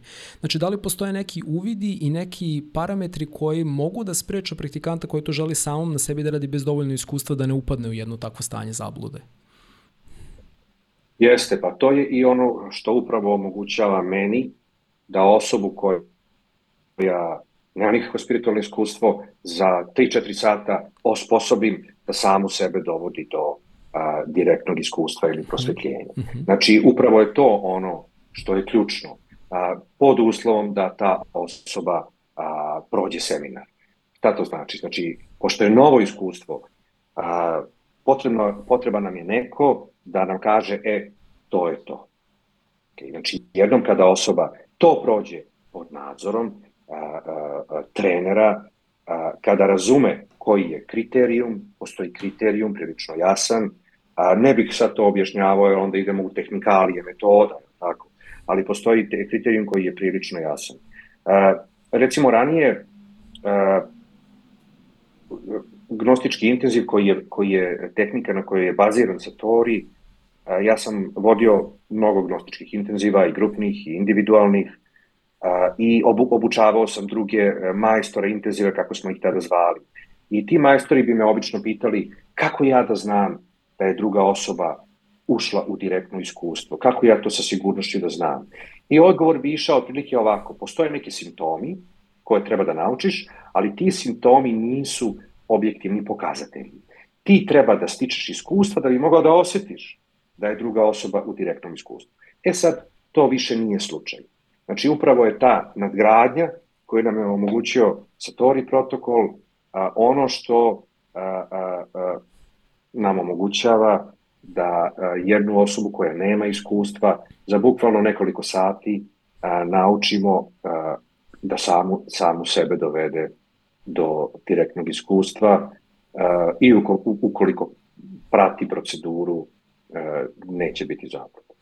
I sad, kada pričamo o direktnom iskustvu, znam da je to vrlo teško sad da u nekom intelektualnom kontekstu, ali bukvalno pitanje koje je možda pomalo banalno je kako neko zna da je u stanju direktnog iskustva. Znači, bukvalno da li postoje određeni sta standardi, odnosno neki param parametri na osnovu kog i mi i naši, recimo, kolege praktikanti uh, možemo bukvalno negde onako da se nađemo i da se povežemo da kažemo aha, evo, sad smo zaista u tome. Nismo bukvalno pri, na neki način kao da, pričamo i osjećamo istu stvar. I um, ne, ne, ne znam da li postoje recimo konkretno u Satoriju te neke tačke, kao na primjer recimo spomenuli smo Zen Koane, ko sam ja ili ne znam šta je život, um, gde koristići Satori dolazimo do zaključaka koji su isti recimo između različitih praktikanata. A vidi, direktno iskustvo je uvek isto, bez obzira na koje pitanje radiš. U Satori protokolu. Mm -hmm. Da li radiš na ko sam ja, šta je život, mhm. šta je flaša vode, a, apsolutno, na kraju dolaziš do stanja ja jesam. I to stanje ja jesam nije misao, mm -hmm. e pa to, baš a, to je stanje u, u kojem misao nije tu, identitet nije tu, ali ti si tu u potpunosti. Znači, to nije misao, je tako? To nije identitet ja. To je uh, stanje prisustva bez misli ja. Možda kažeš, ja jesam bez ja. Ja jesam bez ja. Možda samo jesam bi bio najbolji opis. I opet ću ti, znači, opet ću se vratiti na deo prethodnog odgovora, Sama tehnika se za to pobrine. Mhm, Sama mhm, tehnika se mhm, pobrine. Znači ti imaš, a, a, a, radiš sa dve suprotnosti, a, na primer, a, šta je život i šta je smrt. Možeš da radiš metod 2 i satori protokola. To su dve suprotne stvari. Dva suprotna okidača. Ta dva suprotna okidača će aktivirati suprotne misli i emocije, suprotne identitete. Tokom procesa ti ćeš prazniti misli i emocije o tome šta je život, šta je smrt. Ali potpuno suprotne, je li tako? Potom ćeš prazniti identitete a, koji se aktiviraju u tebi kada misliš o životu mm -hmm. ili koji se aktiviraju kada misliš o smrti. Da. I onda ćeš na obe strane a, doći do istog, mm. samo ja ili ja jesam. Ta mogućnost da imaš dve strane i da ih porediš, taj kontrast ti omogućava kriterijum aha, a, da znaš kada si došao do kraja. I kada je ja jesam isto na obe strane, kada i okidač na ovoj strani ne aktivira ništa, a doživljavaš sebe, i okidač na ovoj strani ne aktivira ništa, doživljavaš isto, centralno ja, imaš prilično a, a, jasne kriterijume za završetak procesa. A naravno, pazi, ti kriterijumi su bitni u smislu kad radiš prvih par puta, vrlo brzo ti to stanje prepoznaješ. I ne samo što ga prepoznaješ, nego što ti se dešava da recimo sediš u javnom prevozu i u tom trenutku shvatiš da si u tom stanju. To se inače dešava ljudima. To se inače dešava ljudima, ali oni ne znaju da je to prosvetljeno. Oni ne znaju da je to stanje njihovog istinskog identiteta. Rekao sam ti već, ja sam doživljavao ta stanja pre mog prvog intenziva. Mi na intenzivu, na intenzivu ljudi kažu, jao, jao, pa ja sam to i pre doživljavao ja, ja, ja, ja to znam, a onda majstor intenziva kaže, e sad znaš da znaš. Da, i to je ta kvalitativna znači, razlika o kojoj si pričao, ta velika kvalitativna razlika yes. spontanog upadanja u to stanje i svesnog upadanja u to stanje. Tako je, tako je. E, pazi, gotovo sam siguran da svako ljudsko biće je makar nekoliko puta u životu to doživjelo, a verovatno i više puta. Mm. Samo što nije, nisu znali da je to to. Um, vezano za Satori uh, protokol, pitanje je sledeće pošto nas kao što si rekao, život često ubacuju tu neku inerciju gde zaboravljamo. Znači, prosto iz ega izlaza određeni sadržaj. Jednostavno, postoje različite okolnosti u okviru kojih mi jednostavno nastavljamo da spavamo. Um, da li je bitno da se osvrnemo na određene tradicije iz kojih se Satori možemo da kažemo rodio u tom smislu a, toga što one u svom izvornom obliku imaju ipak jednu tu tradiciju posvećenosti, jednu tradiciju uh, da kažem, ne bih rekao truda, ali jednog napora koji ulaže taj čovek da bi prosto u sebi kultivisao određenu disciplinu i određenu naviku življenja koja mu olakšava da bude u tom stanju. Znači, da li misliš da je ipak bitno da se ne zapostave potpuno svi aspekti nekih tradicija iz kojih se to izlazi? Da li misliš da je neke dobro generalno sačuvati u svom životu u skladu sa svim izazovima na kojima njemu ne ilazimo? Znaš kako, ja mislim da je to što si sada rekao bitno za apsolutno bilo kakvo postignuće u životu. Ako hoćeš mm -hmm. budeš dobar futbaler, moraš da imaš disciplinu, rad, tako i sve ostalo. No. Da. Znači, to je svakako bitno. A ono što je, vidi, a, a, ono što je bitno vezano za tradicionalne spiritualne discipline, a, recimo ja sam se na, na, više puta na kratko vreme bavio a, borilačkim veštinama. Mm -hmm. I sad imaš tradicionalne borilačke veštine i imaš ove savremene borilačke veštine. I jedan stav u tradicionalnim je da one moraju da budu okamenjene. Ništa tu ne sme da se menja. Ali tako? Kako je rekao tamo neko pre 200 godina, a, tako mora da ostane. I to je najbolji način da ubiješ a, tu aktivnost a, i da je zakucaš poslednji. Je tako? Da a, onemogućiš da napreduje. A imaš ove druge moderne borilačke veštine koje naravno sve vreme napreduju. Isti slučaj je i sa tradicionalnim sistemima spiritualnog razvoja. Prvo, jedino što može da bude problem je stav da one treba da budu okamenjene, da je neka joga od pre 800 godina bolja nego joga danas, da je neki zen od pre 800 godina bolji nego zen danas. Mhm. Znači, taj stav je vrlo, tako da kažem, štetan. Međutim, ja ošte ne mislim da je taj stav dominantan. Znači, ako pogledaš recimo tamo neki zen ili neku jogu, imaš niz nekih zen učitelja i svaki od njih će imati neke svoje ideje i on će te ideje testirati. Tako da ja čak i ne mislim uh, da su te discipline uh, zaglavljene u vremenu. Ja mislim da i one takođe se menjaju i napreduju. Jedino što je štetno u, u celom tom slučaju su ljudi koji imaju stav i neku, tako da kažem, ne znam kako bi to nazvao, ali i dalje postoje ljudi koji veruju da je ono što je starije, bolje od ovog što je, što je novo, da je ono što je neka tradicija bolje od progresa. Jedino takav stav je štetan. Znači svakako, svakako sve to što su a, te a, tradicionalne spiritualne discipline imale i dalje imaju, disciplina, rad i ostalo, to je primenljivo na sve aspekte života. I a, smatram da to svakako treba zadržati, a i takođe smatram da i te discipline i dalje napred. Zbog čega sam pitao ovo i mislim, mogu to da povežem s tim, baš sam ovu temu obradio bio i sa jednom od mojih prethodnih gošća, Jasminom Stojanović, jeste bila taj pojam lažne duhovnosti.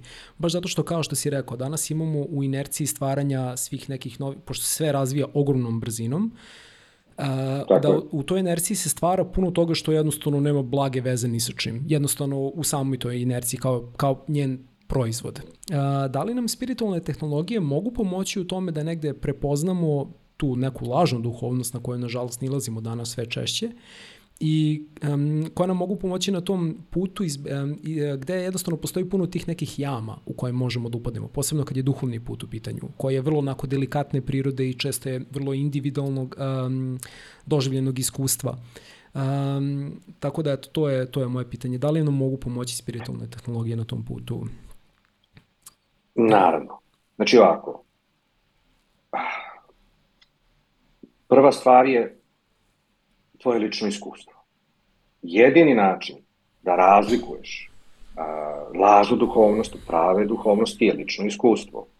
A, spiritualne, spiritualna tehnologija ti svakako može pomoći jer ti ona daje istinsko, a, istinsku vrednost. Tako? tako da ćeš ti na osnovu svog iskustva umeti da razlikuješ a, a, ono što nije a, istinski a, spiritualni razvoj. A potom, a,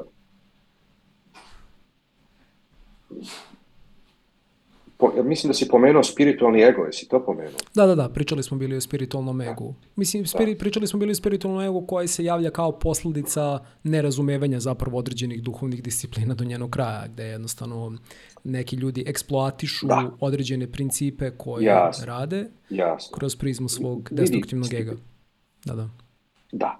Znači, znači, sa jedne strane, praksa će ti omogućiti kriterijum kriterijumi ne mogu doći drugačije u, u spiritualnosti nego iz, nego iz prakse. Uh mhm. -huh. Znači, radi tehnike i na osnovu rada ćeš a, a, sticati kriterijume.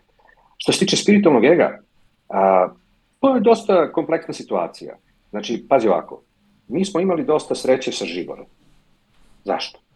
Zato što on je često naglašavao i u svojim knjigama i u ličnom kontaktu opasnost spiritualnog ega. Mm -hmm. I njegov mehanizam. I ja sam to, zahvaljujući Živoradu, već na samom početku naučio. Mm -hmm. S jedne strane, spiritualni ego se javlja kada a, osoba koja a, jednostavno, ego kao da te uvek čeka u zasadi.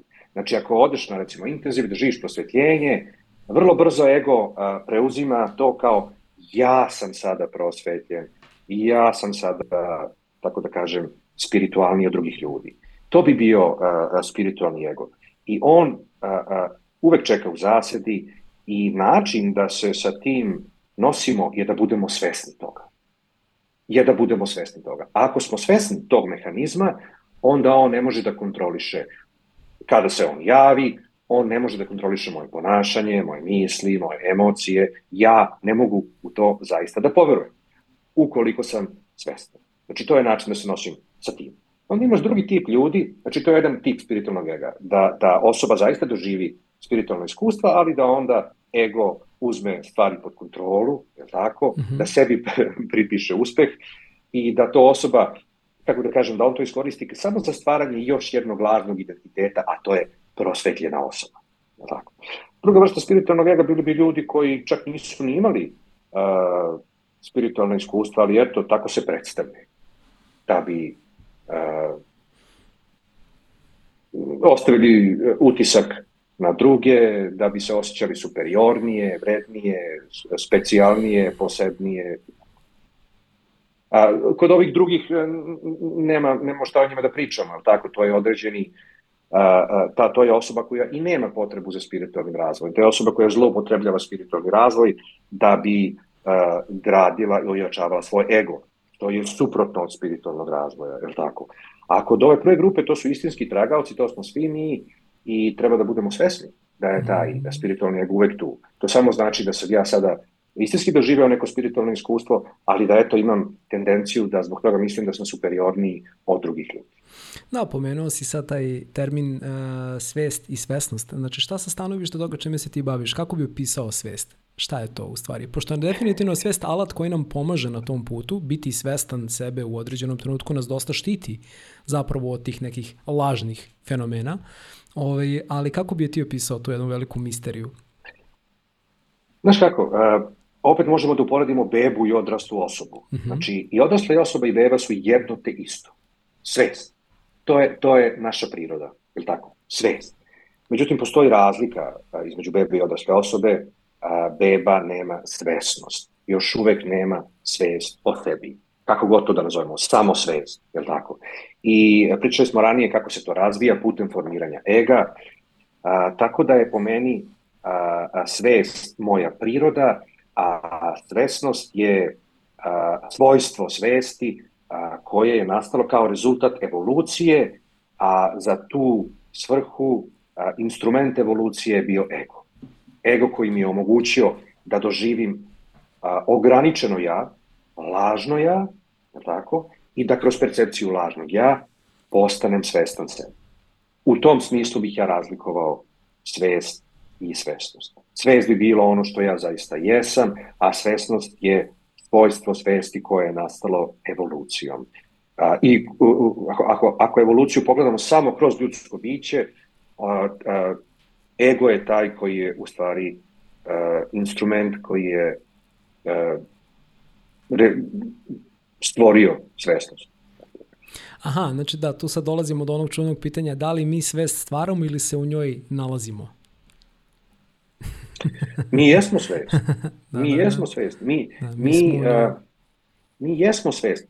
Znaš kako, uh, čitav univerzum uh, je pokušaj bića, nije pokušaj, nego uh, uh, aktivnost, kako da kažem, tendencija bića da se osvesti, da stekne svestu.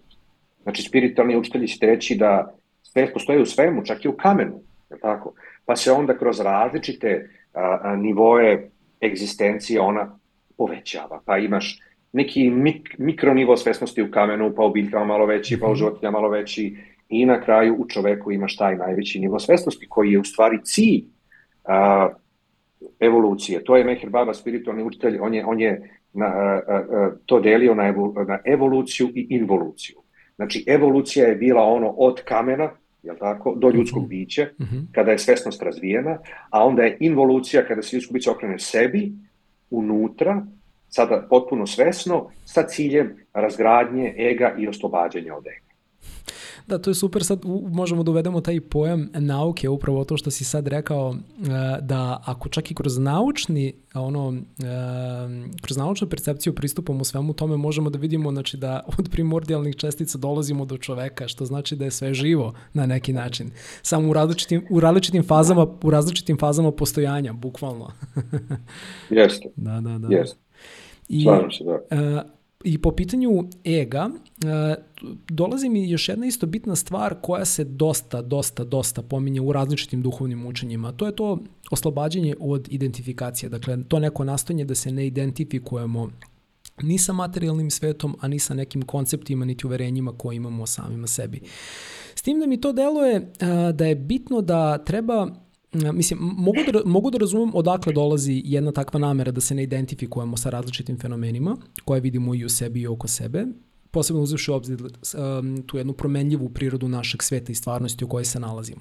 Ali mi isto tako deluje da je bitno da uh, pre nego što se od nečega ne identifikujemo, ipak spoznamo u nekoj suštini šta to zapravo znači. Evo recimo, na primjer, rekao si da je u jednom trenutku smo, ja sam muškarac, ne znam, pa kao ja sad, žena je žena, I delo mi kao da neki ljudi vrlo često brzo hoće da pobegnu od tih, da kažem u smislu da se ne identifikuju, da bukvalno duhovnost koriste kao neku vrstu uh, bekstva od toga da zapravo prvo sagledaju i zaista iskušte šta znači biti muškarac ili žena, pre nego što odluče da se od tog takvog jednog pojma ne, ide, ne identifikuju. Ne znam kako ti gledaš na to.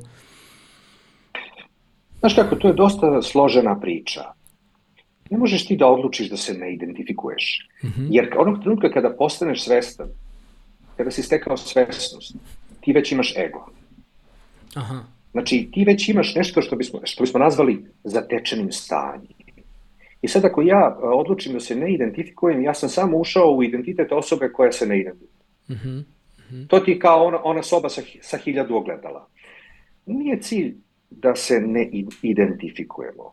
Cilj je da se ne zaglavljujemo u identitetima. Mm -hmm. Vidi ovako, postoji a, sposobnost,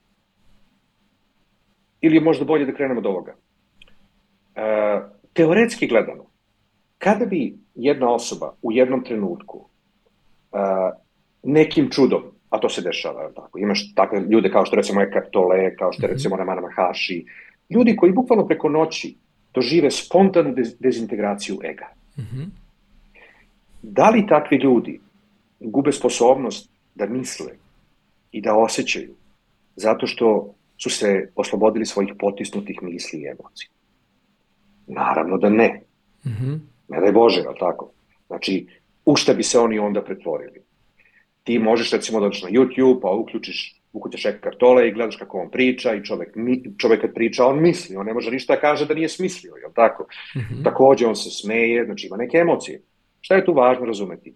Kada se oslobodimo od svih svojih potisnutih misli i emocija, mi ne gubimo sposobnost mišljenja i ne gubimo sposobnost da osjećamo emocije. Mm -hmm. Naprotiv, a, naša sposobnost mišljenja je mnogo čistija, jer prestaju potisnute misli i emocije da nas potiču u procesu mišljenja. Mm, da, da, da. I naša sposobnost, e, osjećanje emocija je mnogo čistija, jer negativne automatske kompulsivne reakcije prestaju da postoje i da nas ometaju. I isto tako, kao što, e, po istom principu, znači kao što ne gubiš sposobnost da misliš i da osjećaš kada doživiš trajno prosvetljenje, tako ne gubiš sposobnost da ulaziš u potrebne identitete kada doživiš trajno prosvetljenje. Znači tu moramo da razlikujemo, kao što moramo da razlikujemo potesnute misli i emocije od sposobnosti mišljenja, e, potesnute e, e, emocije od sposobnosti osjećanja svojih emocija. Tako moramo i da razlikujemo ovde dve stvari.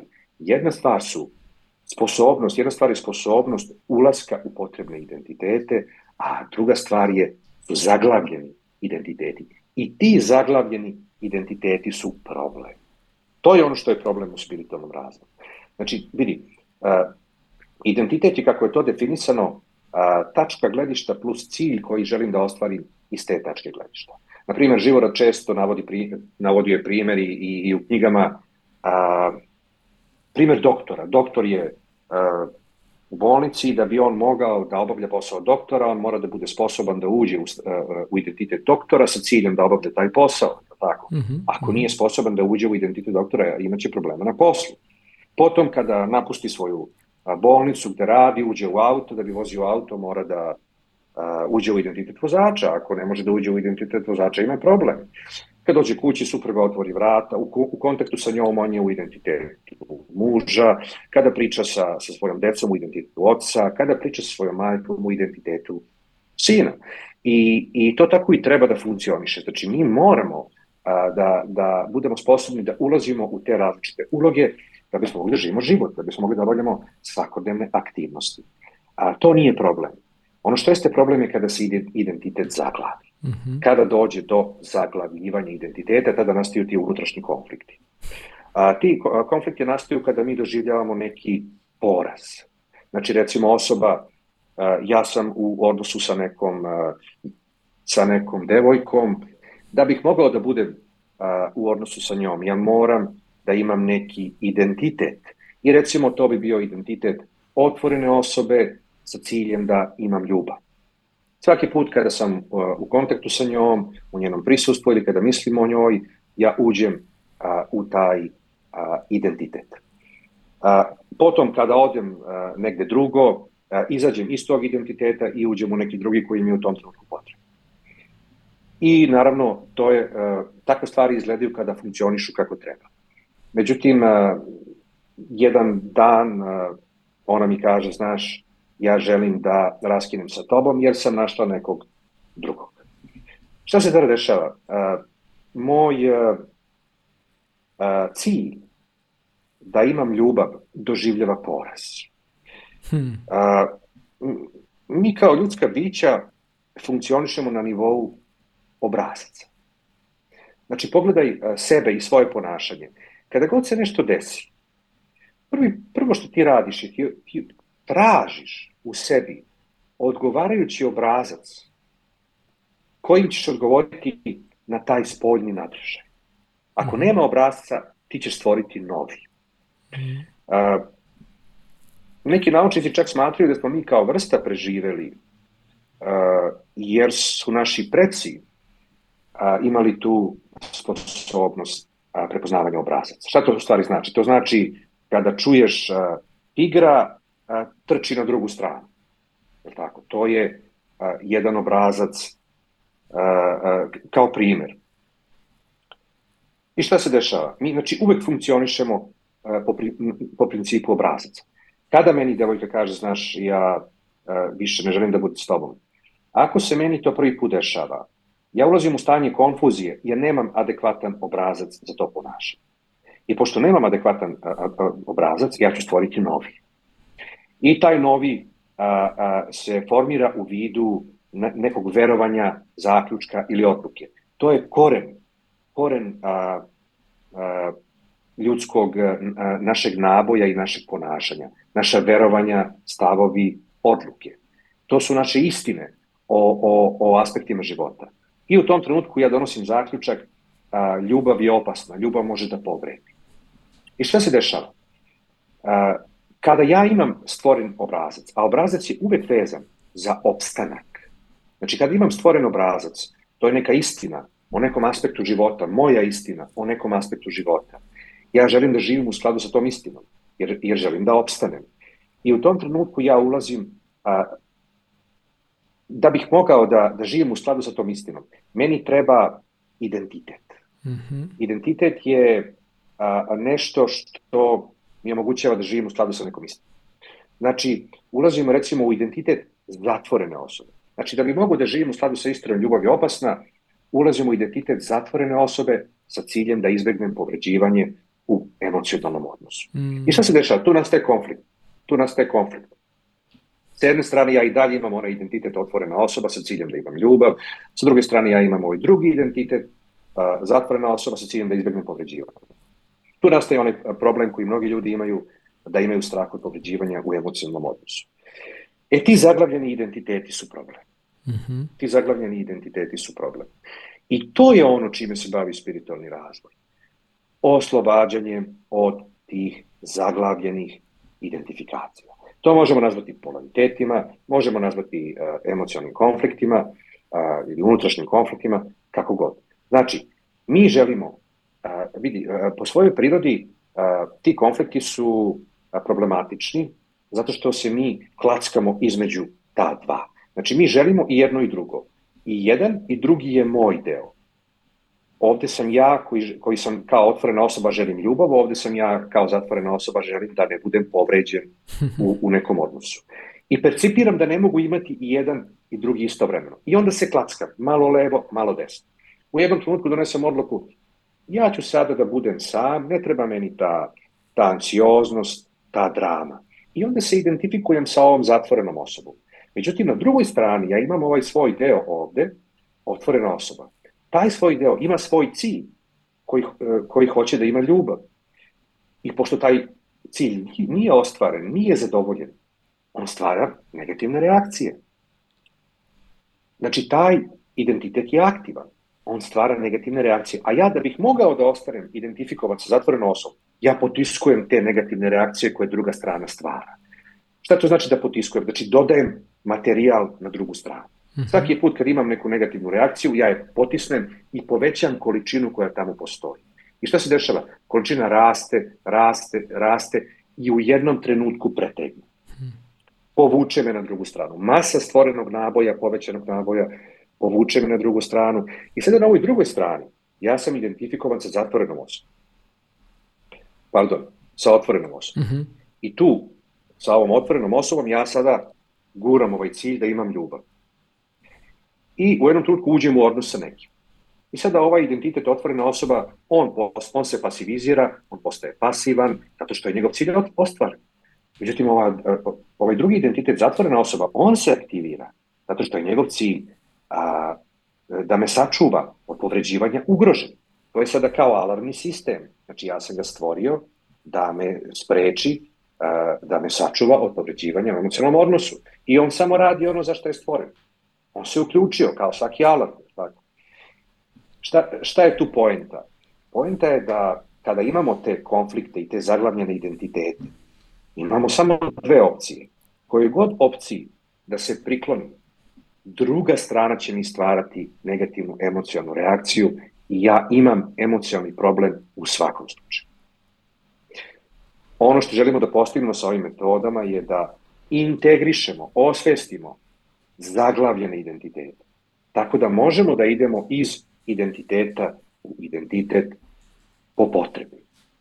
Eto, to bi, tako da kažem, znači, tebi ne trebaju zaglavljeni identiteti da bi ti mogao da uđeš u neku ulogu i da tu ulogu upoznaš i da tu ulogu doživiš. Recimo, evo da se vratimo na Eckhart Tolle, prosvetljeni učitelj, jedan od, po meni, najboljih ikada, on je čovek koji je spontano doživeo prosvetljenje, nije ni znao šta je to prosvetljenje. Trebalo mu je četiri godine da shvati šta mu se desilo.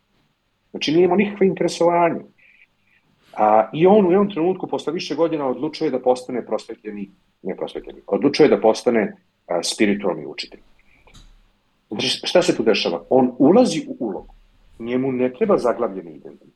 Znači, i, a, a, čak i prosvetljena osoba može da ulazi u identitet, ne samo, ne samo da može, nego mora, da bi mogla da ostvaruje ciljeve koje želi da ostvari. Znači, on bez problema ulazi u uh, ulogu uh, spiritualnog učitelja i uh, upoznaje se sa tom ulogom, uh, ostvaruje sve bolje i bolje, postaje sve bolji i bolji i efikasniji, a opet on nema zaglavljene identitete. Ne samo na tu temu, nego na bilo koju temu.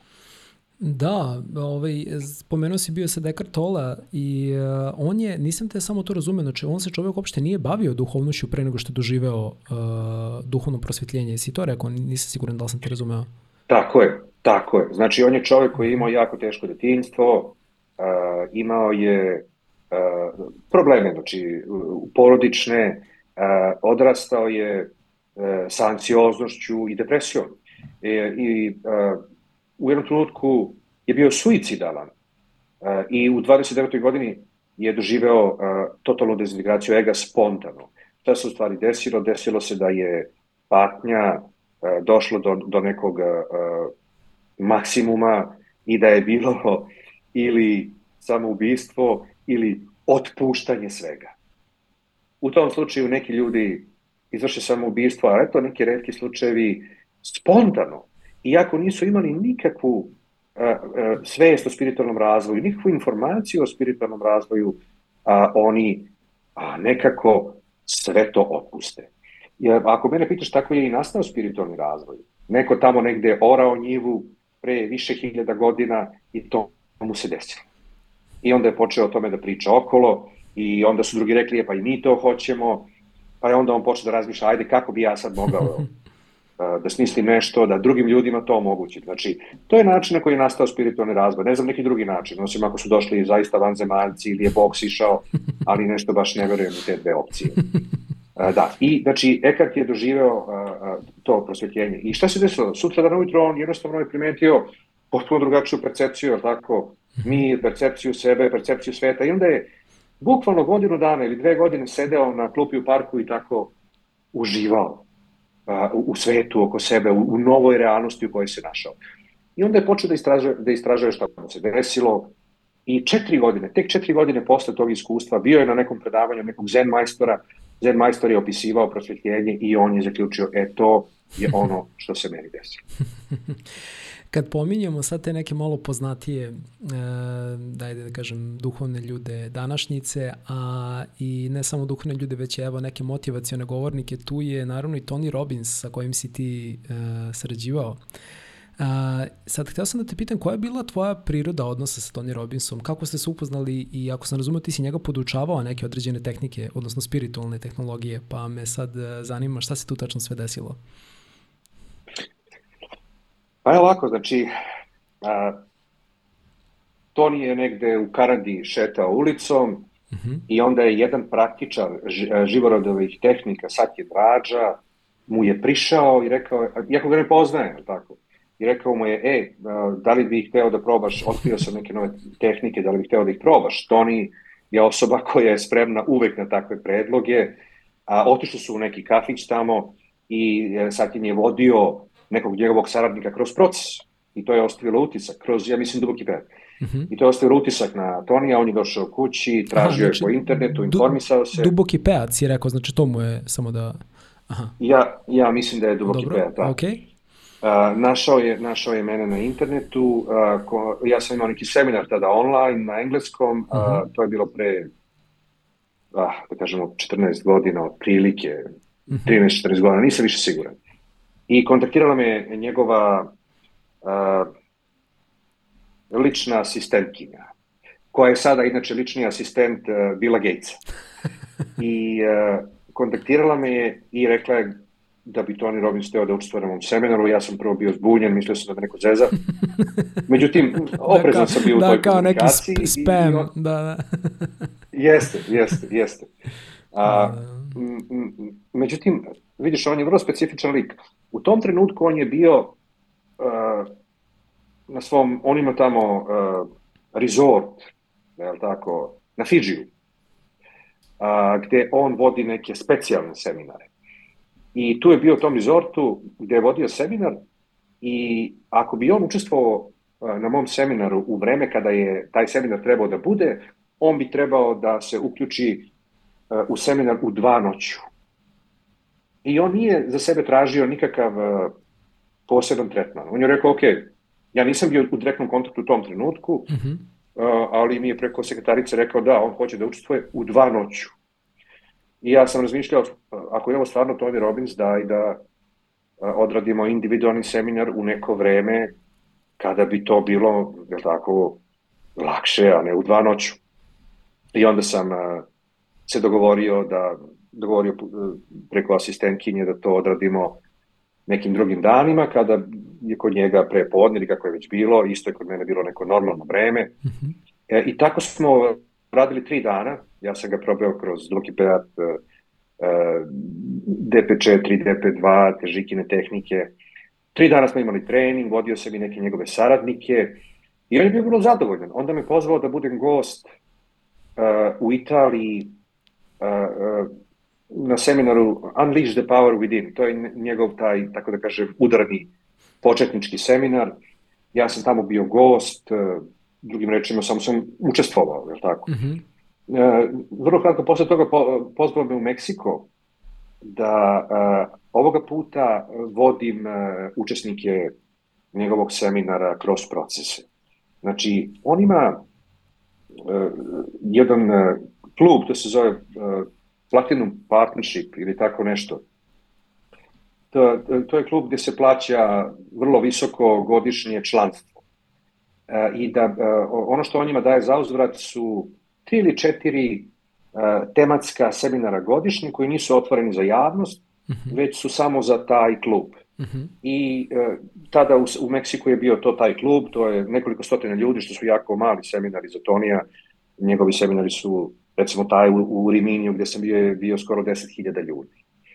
A, I uh, da, otišao sam u Meksiko, tamo sam njegove klijente vodio kroz procese i od onda sam učestvovao više puta E, na taj način. Znači, na Havajima sam bio 3-4 puta, uh, u Indiji i da, evo ovaj poslednji put, uh, pošto je bila pandemija prošle godine, nije se išlo na Havaje, Havaji su ostrovo, bili su zatvoreni, pa je on izabrao da seminar bude u Teksasu, zato što je Teksas, je tako, poznat po tome da je imao te labave pandemijske mere.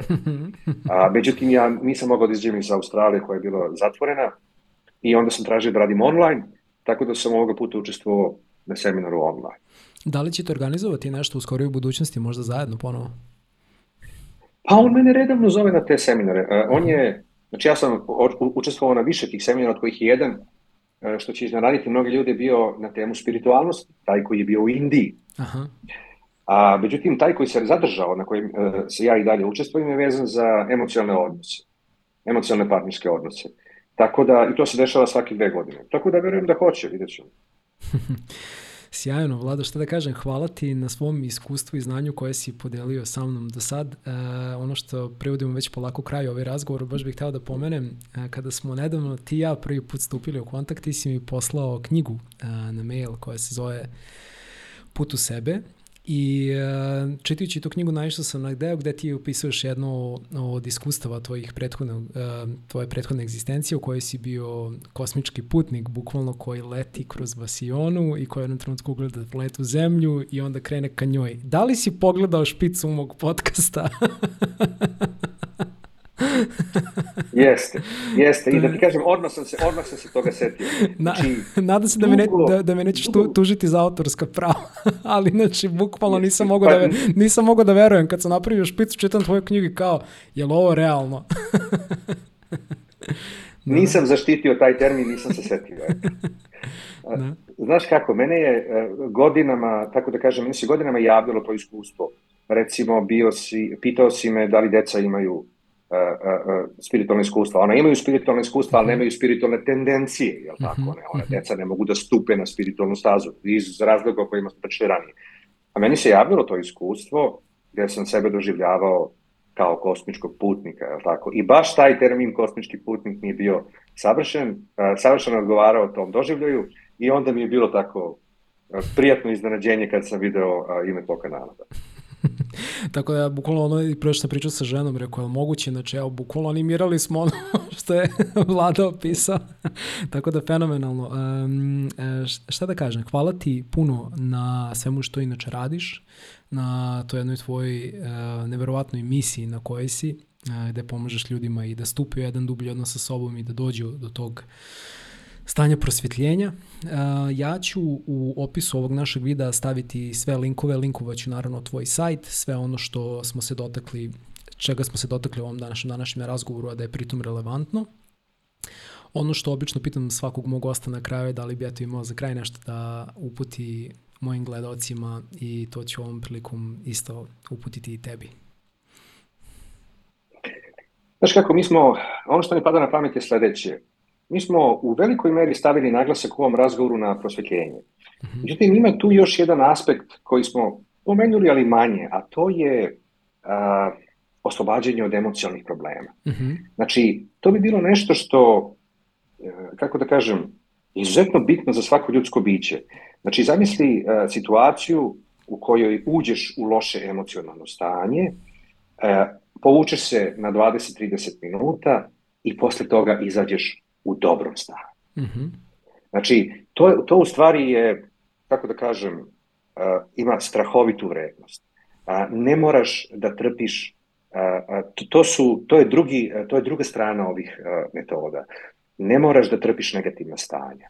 Uh, I ne samo što ne moraš da trpiš negativna stanja, nego se ona ne akumuliraju. Znači, ako osoba uh, uh, dobije otkaz na poslu, i onda je dve nedelje nesrećna, tokom te dve nedelje osoba donosi zaključke, verovanja, stavove, to je ono čemu smo pričali ranije. I u stvari dole, ulazi u, u, u veću dezintegraciju ličnosti, u lošije stanje svesti, a, količina problema se povećava. Sa ovim metodama čovek može da kada se god desi a, negativna reakcija, a one se praktično dešavaju svaki dan, tako, samo što nisu svaki dan jako velike, imaš male, imaš mm -hmm velike koje se ne, ne dešavaju tako često. Ali osoba može svaki dan sebe da a, oslobodi od takvih stanja i da završi proces u lepom stanju. I to je zaista a, jedna a, praktična strana ovih metoda koja po meni ima ogromnu vrednost. I pritom, još jedna stvar, a, a, to posebno ima značaj kada se dese životne krize. Znači, kako god da živiš svoj život, životne krize su neizbežne. Znači, neko će da se razboli, neko izgubi posao, ne da Bože neko umre, to je neizbežno. E, u, u takvim situacijama o, ovi metodi su od neprocenjive vrednosti. Zato što je patnja velika i ona može se drži pod kontrolom i osoba nastavlja da bude funkcionalna i ne donosi negativne, negativna verovanja, odluke koje, koje samo još zagočavaju i pogoršavaju život. Znači, ono što bih naglasio gledalcima je da su u stvari ovo praktične metodi koje imaju izuzetno vrednu primenu u svakodnevnom životu. Hvala ti Vladimire puno na ovome i hteo sam samo još da e, nagovestim potencijalno jednu od naših budućih tematika, ako se ponovo budemo ovako sreli, možda jednom prilikom i uživo, što bi mi bilo baš drago, jeste ta tematika koju si ti nagovestio u tom svom iskustvu gde si bio kosmički putnik koji je e, leteo u neposrednoj brezini zemlje.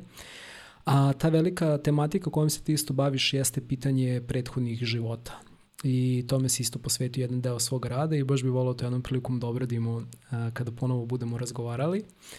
A, tako da, a, hvala ti na svemu još jednom. A, nadam se da si uživao u ovom razgovoru kao što jesam i ja. A, hvala svima vama koji ste bili sa nama do kraja ove epizode. Kao što rekao, stavit ću sve relevantne linkove u opisu ispod ovog videa. I šta da vam kažem, uživajte i vidimo se ponovo u kosmičkim putnicima. Ćao!